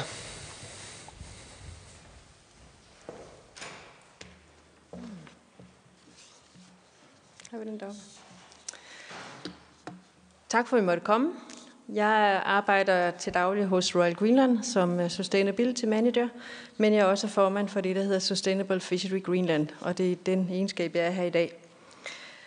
Men hvem er så Sustainable Fishery Greenland? Det er et fint engelsk titel, øh, og, øh, men det bunder i det grønlandske fiskerierhverv. Vi er en interesseorganisation, hvor medlemmer kommer fra det hele det grønlandske fiskerierhverv, blandt andet KNAPK, øh, Øh, industrien som sådan og Grønlands Erhverv. Foreningen blev grundlagt i 2012, og foreningens formål er at bistå med projektledelse til MSC-certificering af de grønlandske fiskerier. Øh, I Grønland har vi flere år arbejdet med målrettet med bæredygtig udvikling af fiskeriet. Vi startede tilbage i 2006 med de første tanker om MSC-certificering og kiggede på standarden, og det at bruge øh, standarden som løftestang for udvikling af fiskerierne. Og det egentlige arbejde startede i 2008. Øh, men øh, der skulle gå fem år, inden vi nåede til at få det første certifikat i hus, og det gjorde vi så i 2013 for rejefiskeriet. En af årsagen til, at det tog så lang tid, det var dels øh, den kultur, den tankegang, det var at kigge på et bæredygtigt fiskeri. Det var at udarbejde en forvaltningsplan. Det var at modne hele fiskeriet til at gå ind i den her tankegang og den her struktur. Øhm, og, det til, øh, og det medførte også diverse tilpasninger, både i fiskeriloven og bekendtgørelser. Øh, det var fiskerierhvervet, der tog initiativ til det her arbejde, men det var i særdeleshed stærkt for en ledet af de markedskrav, der var. Øhm, jeg vil nærmest sige, at rejefiskeriet i Grønland var de sidste rejefiskeri, der blev certificeret. Der var rigtig mange andre, som allerede havde været i gang, så det var rigtig godt at få det. Det var, men det her det kunne ikke lade sig gøre, uden at myndighederne og forskningsinstitutionen i, i Grønland var med på det her. Det har virkelig været et rigtig godt samarbejde, der har været, og det har øh, det bare frugt, frugt dengang, og det bare bærer stadigvæk frugt. Øh, vi øh, har flere certificeringer og, og arbejde øh, på fiskerier undervejs, og vi regner med, at der er flere fiskerier, der kan blive certificeret. Men det at gennemgå fiskerierne med basis i en standard, øh, som jo så er anerkendt af markedet og, og NGO'erne, øh, det medfører nogle klare mål, øh, og det giver forbedringer på forvaltningens side af havets ressourcer. Overordnet har det betydet en generelt bedre styring i forhold til ændringer i rådgivningen og dermed et mere stabilt fiskeri. Der tages desuden hensyn til miljømæssige påvirkninger øh, på bestanden, og dermed får vi et bæredygtigt fiskeri. Vi har desuden opnået større viden om, hvordan havbunden øh, ved den grønlandske vestkyst ser ud, og hvor den skal beskyttes. Øh, det er sket gennem et samarbejde mellem grønlandske, engelske og danske forskere, hvor dels et to gange treårigt periode har medført bentiske undersøgelser på havbunden og dels et PhD-projekt øh, omkring sårbare marine øh, systemer. Øh, alt i alt har det jo så medført en meget større viden, øh, og dermed hvor, vi kan, hvor det er nødvendigt at beskytte havbunden mod fiskeri. På nuværende tidspunkt er rejefiskeriet, det udenskærs fiskeri efter hellefisk og stenbiderfiskeriet øh, certificeret ved Grønlands vestkyst. Øh, men vi har Øhm, derudover også de grønlandske fartøjer certificeret som fisker øh, i Barentshavet for, for torskulder og sej. Øh, der er i gang sat processer med at få øh, flere certificeringer eller flere fiskerier certificeret. Vi arbejder således nu i et, således, et såkaldt Fishery Improvement Project omkring øh, øh det kystnære hellefiskfiskeri, og håber at kunne øh, modne fiskeriet til certificering over en toårig periode. Øh, derudover arbejder vi med torsk i Østgrønland, og i begge tilfælde så skal vi have nogle forvaltningsplaner, som er godkendte og accepteret af fiskeriets parter, og selvfølgelig godkendt af Nalgassuisut. Så vi ser verdensmålene som en rigtig god ramme at arbejde videre omkring øh, det her arbejde på, og der er rigtig mange verdensmål, som er vigtige øh, i fiskerierhvervet, øh, men i særdeleshed nummer 14 er rigtig væsentlig for os. Vi mener med vores arbejde i øh, Sustainable Fishery Greenland, at vi har taget godt fat på nogle af de emner, som er vigtige under verdensmål nummer 14, men vi er parat til en fortsat udvikling, og vi tænker, at partnerskaber og gode samarbejder, det er vejen frem. I hvert fald er vi rigtig meget glade for det arbejde, vi har haft i Grønland øh, med de parter, der har været i fiskeriet her, og som sagt både myndigheder og institutionerne har været med.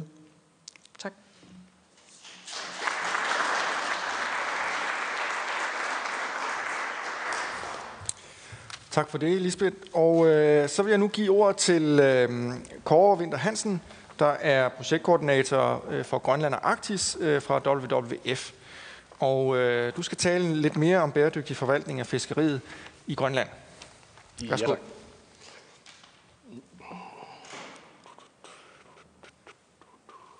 Skal vi... Så vi kører. Hej, jeg hedder Corvin Hansen og arbejder for WWF, Verdensfonden. Og jeg vil godt sige tak for at få lov til at komme her og, og bidrage med sådan lidt øh, en anden vinkel på, øh, på forvaltningen af, af bæredygtighed. Og øh, nu har vi jo været helt op i helikopteren og, og kigget på de store øh, visioner og sådan noget. Øhm, og det er jo dækket meget godt ind. Så jeg har tænkt mig at lige gå lidt ned i øh, detaljen med, med det grønlandske fiskeri. Og øh, jeg, tal, jeg vil her tale om, om bæredygtigheden og den forskellighed, der er i bæredygtigheden af det grønlandske fiskeri. Øhm, vi er jo en, øh, en af verdens største øh, environmental NGO i, verden, og vi har en øh, helt klar vision om at skabe en fremtid, hvor mennesker lever i harmoni med naturen. Og vi går ud for, ind for, at man udnytter alle de levende ressourcer, der er, så længe man gør det bæredygtigt. Og på længere sigt man gør det bæredygtigt, jo større bliver det her sammenfald af økonomiske interesser og den, for eksempel den biologiske rådgivning i, i Grønland. Så de tre cirkler, vi så før, ikke? jo længere sigt vi, øh, vi kigger på det, jo bedre passer det sammen. Og øh, hvis vi kigger lidt på øh, de her delmål, der ligger, vi er inde i den her øh, mål 14 om, om havets ressourcer, så er det faktisk allerede i 2020, at vi skal have øh, en bæredygtig beskyttelse, og, øh, og vi skal have stoppet det her ulovlige fiskeri, destruktive øh, fiskerimetoder, og at mindst 10 procent af havområderne skal være beskyttet. Og øh, det kan vi godt se, at i Grønlands kontekst er det nok ikke muligt. Så vi er faktisk øh, lidt bagud, når det gælder de her SDG'er. Øhm, det, der har virket i Grønland, det er den her MSC-certificering, som, øh, som Lisbeth og Sustainable Fisheries Greenland har stået for, eller har været hoveddrivkraften bagved. Det vil sige, at i Grønland er det industrien, der driver de bæredygtige mål for, øh, for fiskeriet i Grønland. Der er selvfølgelig også nogle store kapitalinteresser, der siger, at man skal, man skal sigte lidt på lidt længere sigt. Men øh, nu vil jeg sådan lige vise, hvad, hvad der virker og hvad der ikke virker i Grønland. Og øh, vi kigger lidt på de forskellige øh, arter i fiskeriet her i Grønland. Eller ikke her, i Grønland. Og hvis vi tager den vestlandske grønlandske reje, som øh, Lisbeth fortalte, der blev certificeret i 2013 som øh, den første certificering i Grønland. Øhm, jeg er selv marinbiolog. Når man ser en graf som den her, ikke, så ser jeg jo klokkeklare øh, ting. Ikke? Øh, hvis I kigger ud til venstre derovre med fangsterne, så kan man se, at fangsterne de raslede nedad. Men man havde en forvandlingsplan, så man satte kvoten ned med 12,5 procent hvert år, indtil at man kunne vende den her meget, meget negative udvikling, vi havde. Og øh, når man ser længst ud til højre der fra en øh, 16-17 stykker, ikke? vi er jo helt nede på 70.000 tons om året, eller helt nede på 70.000 tons rejer om året, og nu er vi over 100.000 tons igen. Det her det er simpelthen en forvaltningsmæssig succes i Grønland, som øh, virkelig viser, at det er muligt med politisk vilje og industriens vilje at vende en negativ udvikling. Grafen til højre, det er så den modellerede øh, biomasse, hvor man også ser det her knæk ude til højre, fordi man fulgte fuld, øh, og faktisk fik reddet Grønlands øh, kommercielt vigtigste fiskeri overhovedet. Øhm, her har vi så en anden øh, stor succes. Øh, vi var sidst, næsten sidst på regnen, som Lisbeth sagde. Vi var allerførst på øh, MSC-certificering af hellefisk i hele verden. Den fik vi her i 2017. Og øh, ude til venstre, der kan man se, øh, der er både øh, kvoterne og fangstmængderne. Og man har prøvet at hæve dem stille og roligt. Også hvor man følger, siden 17 har vi fulgt den her forvaltningsplan. Men man var faktisk også rimelig god til at forvalte den her før. Og øh, vi har hævet kvoterne. Vi har øh, Naturinstituttet, der kommer ud og prøver at lave så meget service, de kan, øh, ud for de økonomiske rammer, de har. Og vi har ingen alarmklokker, der ringer overhovedet. Vi har beholdt vores øh, MVC-servicering på den udenskærs helfisk på vestkysten. Og det kører godt. Der er virkelig mange penge i det her. Og øh, hvis man kigger på den til højre, så kan man se, at der er en kæmpe stor udsving. Og det handler lidt om, hvor mange penge Grønlands Institut får til at lave de her service med. Så hvis man skal have en mere finmasket rådgivning, der enten kan give højere kvoter, eller kan reagere hurtigere, hvis der kommer nogle problemer i det her meget vigtige fiskeri, så vil det være en rigtig god idé. Og øh, stenbideren, det indskærsfiskeri efter stenbider, bliver også certificeret. Øh, det var i 2015, og der har man også lavet en forvaltningsplan. Og der er jo et stort økonomisk incitament til at øh, få serviceret de her arter, fordi det giver en højere pris, det giver adgang til flere markeder, og det er den vej, vi går. Så rent kommercielt og som vi siger her, i Grønland, der virker MSC'en rigtig, rigtig godt. Den redde rejen. Det er i hvert fald vores vurdering. Så kommer vi så til det indenskærsfiskeri. Og øh, her har vi så øh, et skræmme eksempel fra Diskobugten i Grønland. Øhm, den indenskærs hellefisk er utrolig vigtig for lokalsamfundene, for Disko og hele vejen nordpå. Øh, hvis I ser ude til venstre, der er sådan noget, der hedder CPUE, Cats per Unit Effort. I, øh, I den simple udgave, som vi ser her, der sætter man øh, 1000 grove, og så ser man, hvor mange kilo hellefisk, der kommer op. Og hvis I ser her udviklingen fra, fra 10 til 18, der bliver bare færre og færre fisk. Men ikke nødvendigvis kun færre fisk, det bliver også mindre. Og det er det, vi ser over til venstre, eller til højre, hvor vi ser, at gennemsnitsstørrelsen de sidste øh, 8-9 år bare er restet nedad. Og det er et klokkeklart øh, eksempel på, at man har et overfiskeri. Og øh, Naturinstituttet, som er vores forskningsenhed, der ejer selvstyret i Grønland, de mener helt klart ud, Diskebukken, det er et klart overfiskeri. Og vi kan lige tage et eksempel her fra Nubfjorden. Øh, det er en, en gammel rapport, jeg har fået gravet frem. Men til venstre, der viser den så gennemsnitsstørrelsen. Og man ser, at der er sådan en, øh, der er sådan en, en tendens der tilbage i, øh, i 80'erne, hvor der bare går nedad, og man ser den tilbage her i, i øh, uh, 2010 og fremad. Så sammenligner man fangsterne til højre. Uh, der i slut i uh, slut 80 eller slut øh, uh, 70'erne og start 80'erne, der havde man enorm fiskeri i, uh, i Nuuk efter hellefisk. Øh, gennemsnittet også en brave nedad. Man fiskede den simpelthen tom. Går 20 år i Nuukfjorden, hvor man ikke tjener en krone på de her hellefisk, så begynder den at komme igen. Og hvad gør man? Man starter et hårdt fiskeri op igen. Det, der er ved at ske nu, det er, at hellefisken i Nuukfjorden, den falder igen. Vi snakker om et fiskeri på omkring 1000 tons, men 1000 tons gange øh, 30 kroner kilo, som man får i, i Nuuk, det er også mange penge. Naturinstituttet har været ude med en anbefaling på 500 tons i hele, i hele Nuuk-området. Og øh, man ligger omkring 1000 tons lige nu. Så vi har i det indskærsfiskeri, som ikke er certificeret nu, der har vi nogle øh, problematikker med noget øh, kortsigtet for, forvaltning.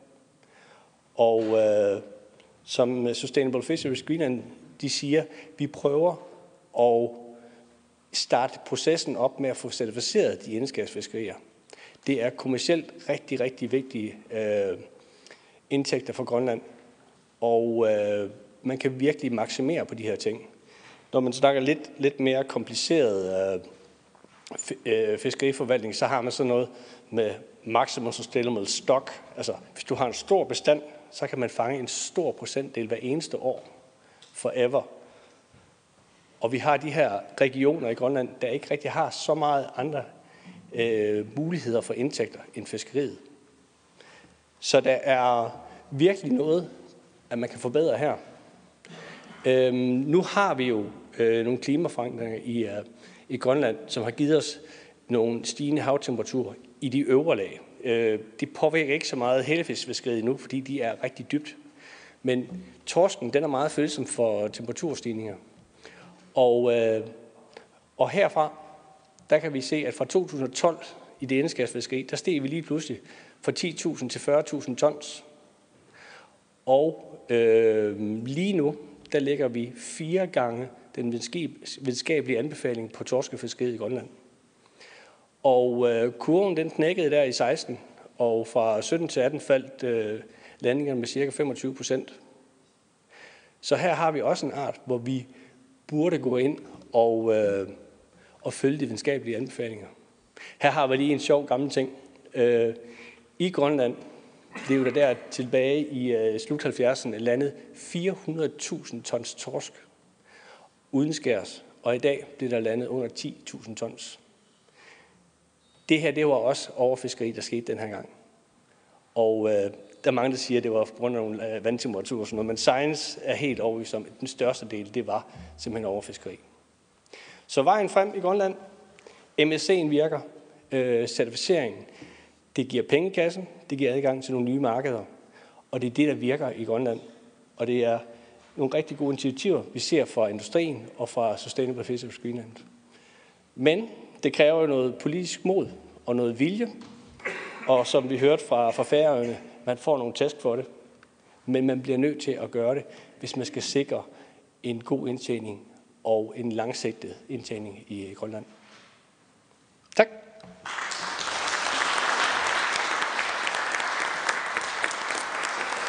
Tak for det, Kåre. Og øh, inden jeg tager øh, spørgsmål fra salen, øh, vil jeg lige sige, nu har vi jo været øh, godt rundt, og en af de ting, der ikke er blevet nævnt, det er den innovation, der er nødvendig for at, at sikre en dialog mellem alle de her forskellige typer aktører, aktører der er nødt til at, at snakke sammen øh, på lang sigt. Hvordan får man oprettet det rigtige forum, hvor der øh, sidder dels øh, øh regeringer og, og parlamenter med, men også byerne er utrolig vigtige aktører her. Øh, virksomheder og civilsamfund øh, og forskere. Hvordan får man oprettet et forum eller et sted, hvor de kan føre den her dialog en gang, to gange om året øh, og snakke sammen? For de har hver deres perspektiv på, hvad er problemerne og hvad er løsningerne. Og hvis ikke man formår at finde en måde at sidde sammen, øh, så kommer man til at tale øh, hver til sit. Så det er en af de allerstørste innovationer, vi stadigvæk mangler at se. Så det kan I øh, tænke over, øh, hvordan vi gør det. Og så vil jeg øh, øh, tage spørgsmål fra salen, og vi er klar med en øh, mikrofon. Hvem vil, øh, hvem vil lægge ud?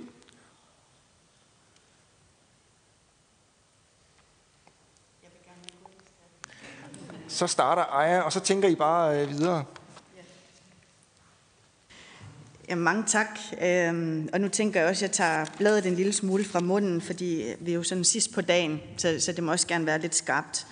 Og jeg er nødt til at sige, at øh, en af de udfordringer, som vi har i Grønland, det er, at vi også har faktaresistente politikere. Altså vi har politikere, som ikke lytter til fakta, ikke lytter til viden, øh, og det er et kæmpe problem. Og så kan man godt sætte en masse gode folk øh, ind, men der skal være en vilje, der skal være en åbenhed over for at lytte til, øh, til forskere, blandt andet hvis, hvis vi skal ændre det her. Kunderne ønsker det, vælgerne ønsker også en øget øh, miljøbevidsthed. Øh, det ser vi med MSC for eksempel. Øhm, og jeg er nødt til at sige, at den kommentar, som der var fra Vitus tidligere, bliver jeg også ret harm over, fordi at jeg vil sige, det er at frelægge sig et ansvar i forhold til at sige, at det er alle mulige andre, der har nyt godt af de ressourcer, som vi har i Grønland. Der er ingen tvivl om, at vi kunne gøre det bedre, men man kan godt skabe økonomisk øh, erhvervsudvikling i en balance, hvor man også tænker på miljøet øh, og tænker bæredygtigt. Det er jeg helt, helt sikker på. Øh, og jeg vil sige, jeg synes, fra vores parti, fra IA, der ser vi gerne, at Grønland kommer til at, at dels øh, føre en mere sådan, hvad skal man sige, bæredygtig fiskeripolitik, øh, men også at man kommer til at, at underskrive Paris-aftalen. Øh, jeg tror, det var Axel, der var inde på det her øh, med at sige, at, at lidt gør også noget, øh, og det synes jeg sådan set er en af de læringer, som vi kan tage med os, at selvfølgelig kan Grønland også være med til at tage et globalt medansvar, i stedet for kun at lukke sig ind om sig selv. Øh, det synes jeg er rigtig, rigtig vigtigt øh, at sige, at det er der også politiske kræfter i Grønland i hvert fald, som ønsker, øh, og det kan man jo så håbe på, at der er flere, der kommer til at, at, at ville det på sigt også, fordi jeg er ikke i tvivl om, at hverken kunderne rundt omkring i verden, men også at vælgerne øh, sådan set også ønsker, at der er en øget øh, miljøbevidsthed, og vi tænker lidt mere langsigtet, i stedet for kun at tænke i kortsigtet profit. Tak. Tak for det, øh, Aya. Jeg kan jo øh, sige, at der var en øh, forskningsundersøgelse for nylig fra Grønland, der viste, at den grønlandske befolkning går ret meget op i klima og miljø. Så det er ligesom i Danmark for tiden, hvor det er for højeste politiske dagsorden, så ser vi også det i Grønland. Så det har du helt ret i, at det, det er det, vi ser. Øh, så har jeg Aleja øh, først. Ja, Shure er, sure er markeret efter dig. Ja. Øh, jeg synes, det har været meget, meget spændende, begge dele, alle oplæggende. Jeg synes, øh, det jeg savner i debatten, det er, at, øh, at når vi snakker om øh, havet og bæredygtig udnyttelse af havet, at vi udelukkende har sat fokus på fiskeri. Øh, på vores øh, nordatlantiske område er valgfangst og kødforsyning af en stor betydning for vores øh, naturlige økonomi, vores, vores kultur og selvopfattelse af os som, som kultur. Det synes jeg har manglet lidt.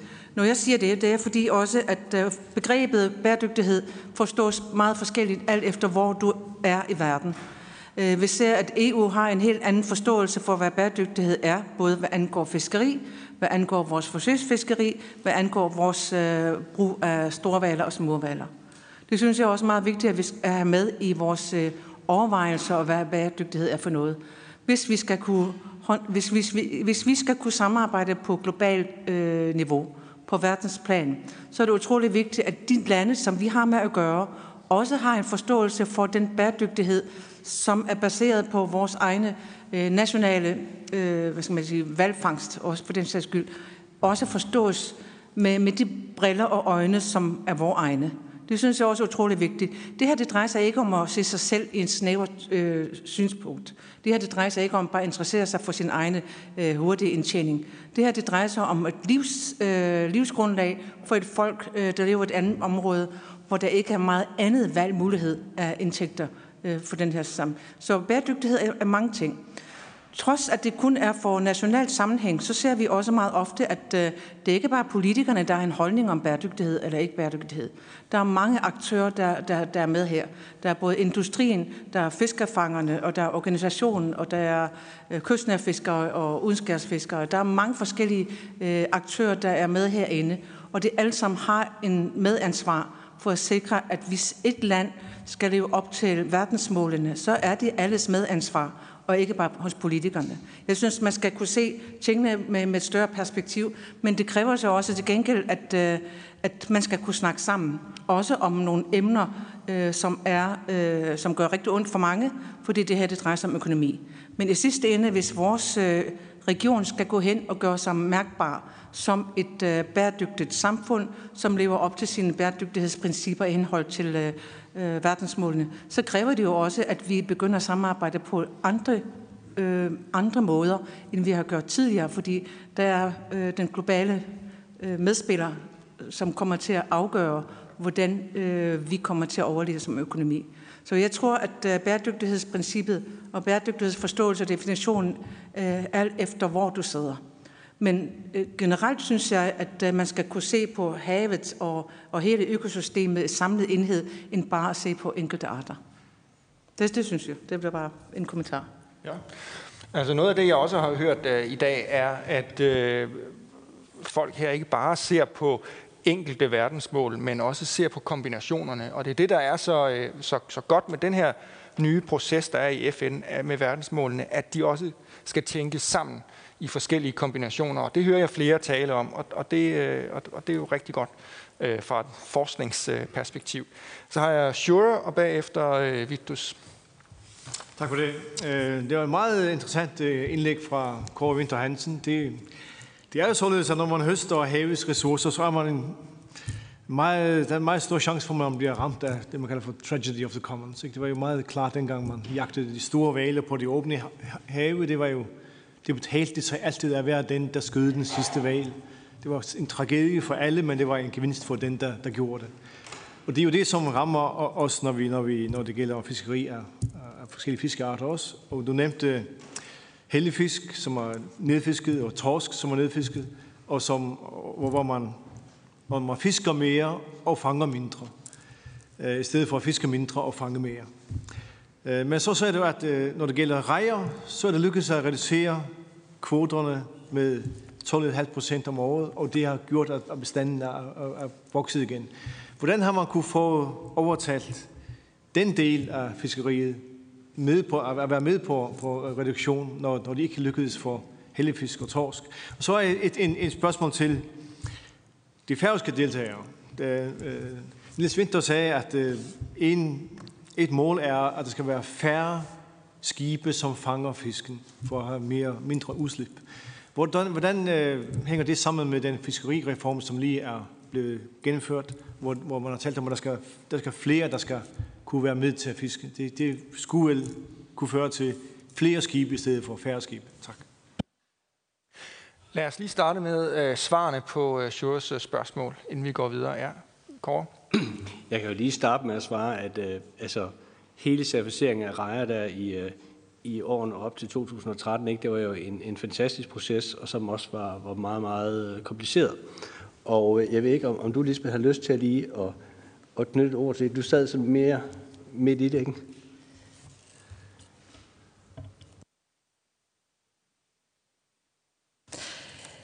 Jeg kom først til i omkring 12, 11-12 stykker, så der var vi godt på vej. Men der var en, en samlet fiskeindustri og et samlet fiskerierhverv, der gik ind for det her, og det var egentlig derfor, det kunne lykkes. Øh, det er jeg ret overbevist om. Øh, der var afskillige punkter, som skulle øh, øh, imødekommes, og det blev de, fordi man var interesseret i det. Og så var der selvfølgelig et markedskrav, der gjorde, at, at man var fælles om at skulle nå det i forhold til det, øh, de kunder, man havde. Øh, men, men, men den enighed, der var der, og det klare definerede mål, der var, det gjorde, at man opnåede det. Godt, vi går videre til uh, Nils. Ja. Ja, altså, hvordan det hænger sammen med fiskerireformen, øh, skal jeg ikke gøre mig så forfærdeligt klog på lige nu, men det, som jeg mener er alt afgørende, det er lige meget, hvordan man, man udlodder øh, fangstrettighederne i, i den oprindelige udlodning, så er det forfærdeligt vigtigt med, med, med øh, omsættelighed, at, man kan om, at der er omsættelighed i de kvoter og de fiskedage, der bliver udløjet, sådan at man kan, at det er muligt at samle øh, øh, man siger, kvoter og, altså fiskerettigheder i det hele taget på, på, øh, på færre skibe hvis det er det, der er det mest effektive at gøre. Ja, og Høgne, du har også en kort øh, svar, kommentar til det. Ja, tak. Øhm, jeg synes, har helt ret i, at der kan være en modsætning imellem at sige, at man skal have flere aktører, så man, så man modstår den her koncentration af ejerskabet til, eller adgang til fiskeriet, som, som vi har gennemført. Men det er ikke nødvendigvis en, en, en modsætning, øh, fordi at den nye fiskerireform siger jo også, at du kan jo, når du har adgang til en kvote eller fiskedag, så kan du bruge det skib, du vil. Så vi har forsøgt at kombinere det, men, men, men der er en balance. Altså, jeg tror jo ikke på, at fem skibe skal fiske det hele, selvom det måske er mest økonomisk effektivt. Det kan jo skifte hurtigt, alt det der, hvilken kvalitet man skal have. Sådan noget. Så der bliver nødt til at være et antal aktører, der har adgang til i hvert fald at prøve at komme ind i fiskeriet. Og så bliver det jo faktisk en hård konkurrence om, hvem der så, så klarer sig i det. Så der er indrammet en modsætning i det, men vi har også brug for flere aktører i fiskeriet. Godt. Øh, vi går så videre til øh, svar og kommentar fra øh, Vitus, og derefter øh, Magne Eike. Og jeg skal bede jer gøre det kort, så vi, øh, vi lukker efter dette. Med mindre der er nogle spørgsmål, så får man lov til at svare. Og så kan Alra øh, afslutte øh, efter det. Værsgo. Tak skal du have. Grønland forsøger på ingen måde at frelægge sig ansvaret for at øh, påtage sig et medansvar for at skabe en mere bæredygtig udvikling i verden. Tværtimod går vi ind for en bæredygtig udnyttelse, hvad angår energi, hvad angår ressourceforvaltning med videre. Altså hvis du får ondt af at øh, høre kritik af, hvordan vores øh, ressourcer er blevet forvaltet i fortiden, så går du i for små øh, skoejer. Som øh, Verdens Naturfondens øh, repræsentant netop øh, viste, så kan du jo se, at der bliver overfisket fisk i 50-60'erne og helt op til 70'erne, der var medvirkende til, at Grønland valgte at stå ud af IF i sin tid – netop på grund af, at, øh, at færingerne og europæerne overfiskede vores øh, ressourcer. På samme måde kan man sige omkring øh, valgressourcerne. Hvad er der forkert ved at sige, at det er forkert at overfiske overfangst på valer? Hvad er det, man får ondt af? Jeg synes, øh, det er værd at overveje, at man også, øh, når man sådan kigger øh, historisk på ressourceudnyttelsen, at de jo reelt ikke grønlænderne, der står for overforbrug af vores ressourcer.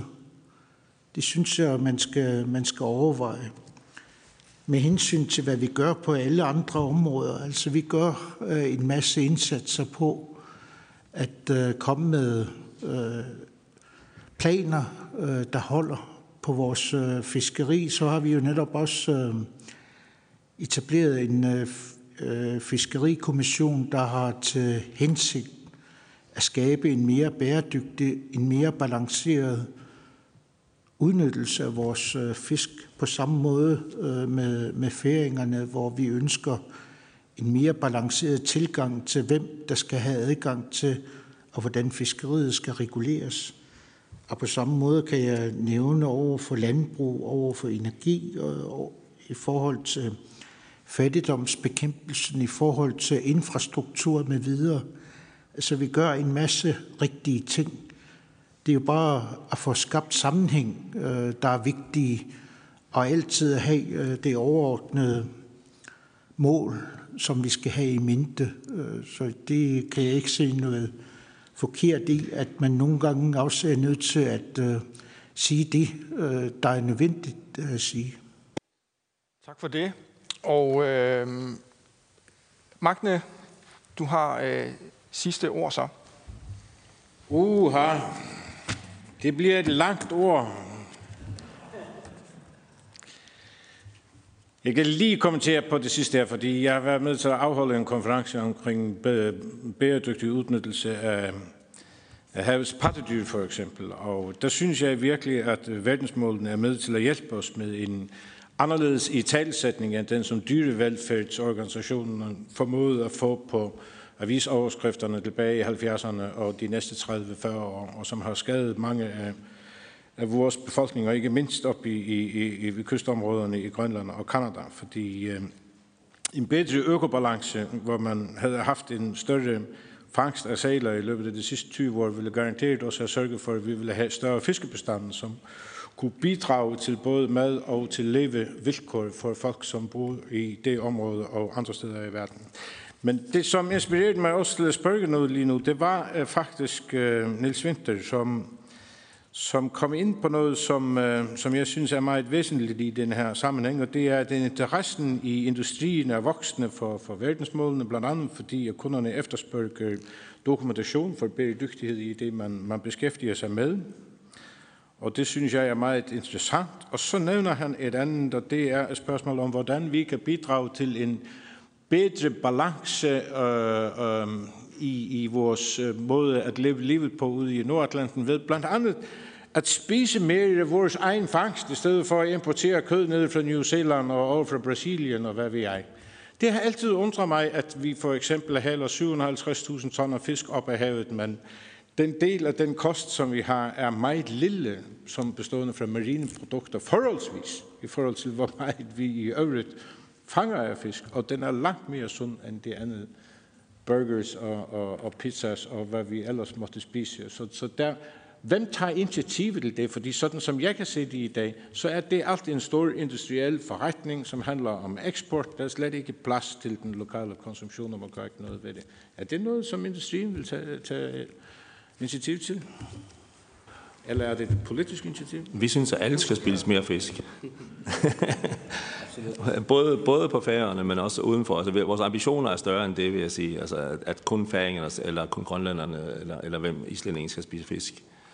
Øhm, øh, og vi mener også, at, at øh, blandt andet ved hjælp af akvakultur, altså kan vi producere en stor del mere, end, end hvad vi har gjort indtil videre, hvis vi knækker kuden med at komme lidt længere ud på, på havet, og som, som sagt øh, få, få nogle, nogle større, øh, større øh, øh, eller flere, flere fisk.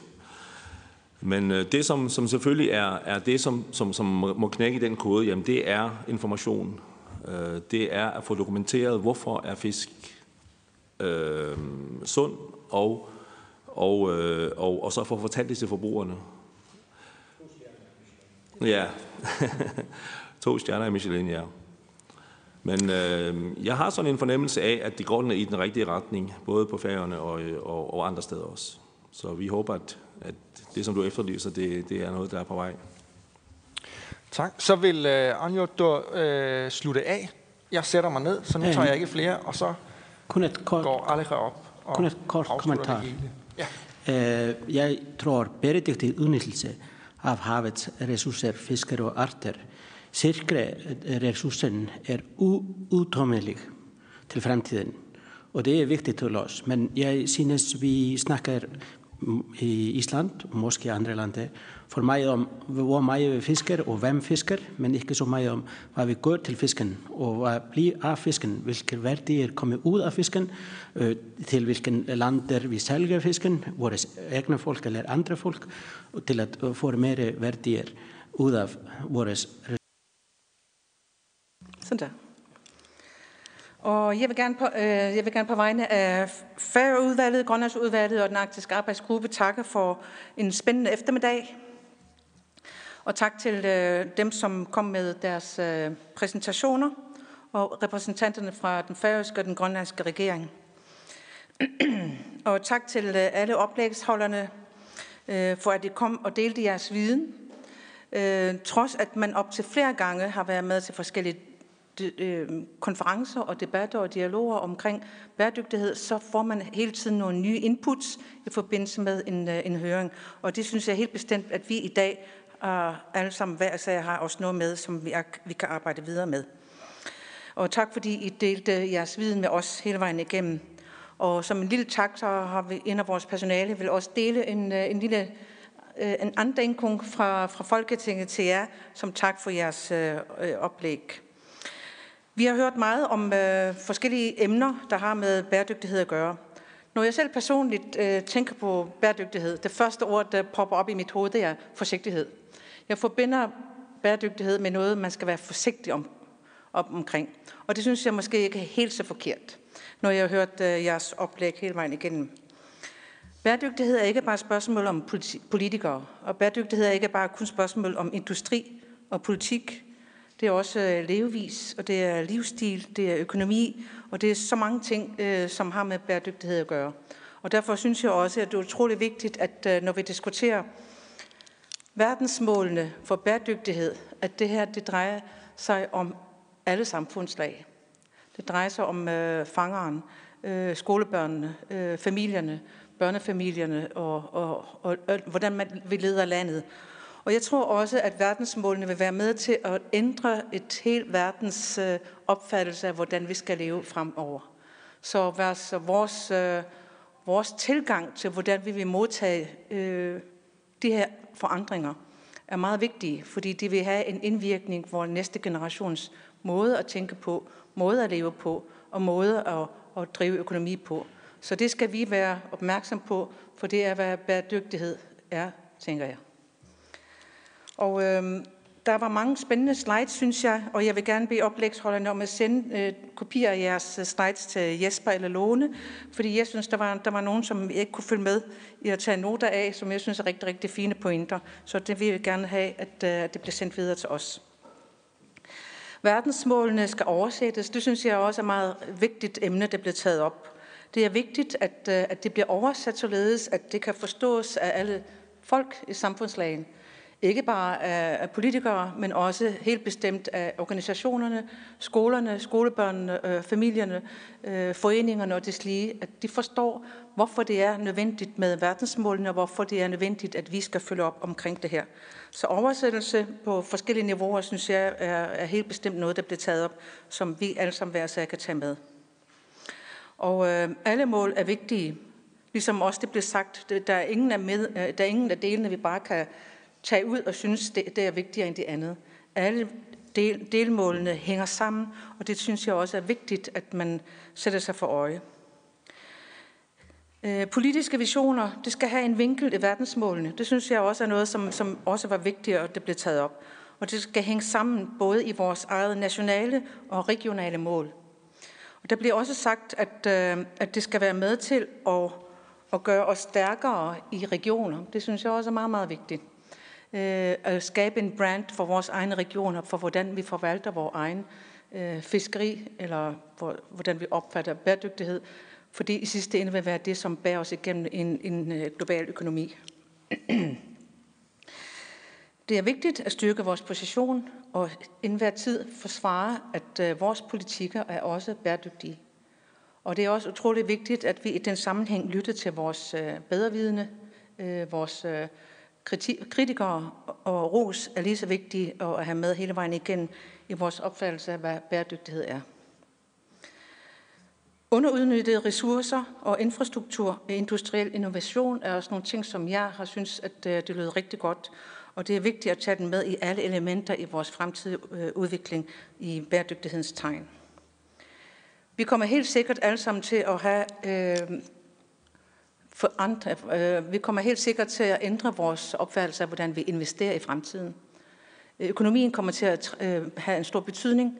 En investering i at tænke mere bæredygtigt, både nationalt, men også regionalt og internationalt, er øh, en ny, nye navne og nye, nye termer, vi skal vende os til, tror jeg. Øh, og det tror jeg også helt bestemt øh, er noget, som alle lande og alle regioner i sidste ende gerne vil have, men er svært at finde den rette balance til, hvordan man skal begive sig i fremtiden. Ja, som jeg sagde, jeg synes, det var lidt synd, at vi kun snakkede om fiskeri, fordi øh, vestnordiske landes øh, udnyttelse af havet er så meget mere end bare torsk og hellefisk, øh, fordi det er så meget andet.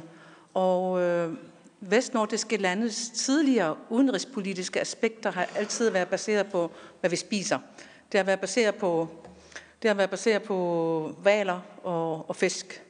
Men i dag, vestnordiske hav, vestnordiske farvande, har også en anden betydning i global sammenhæng på bæredygtighedsniveau.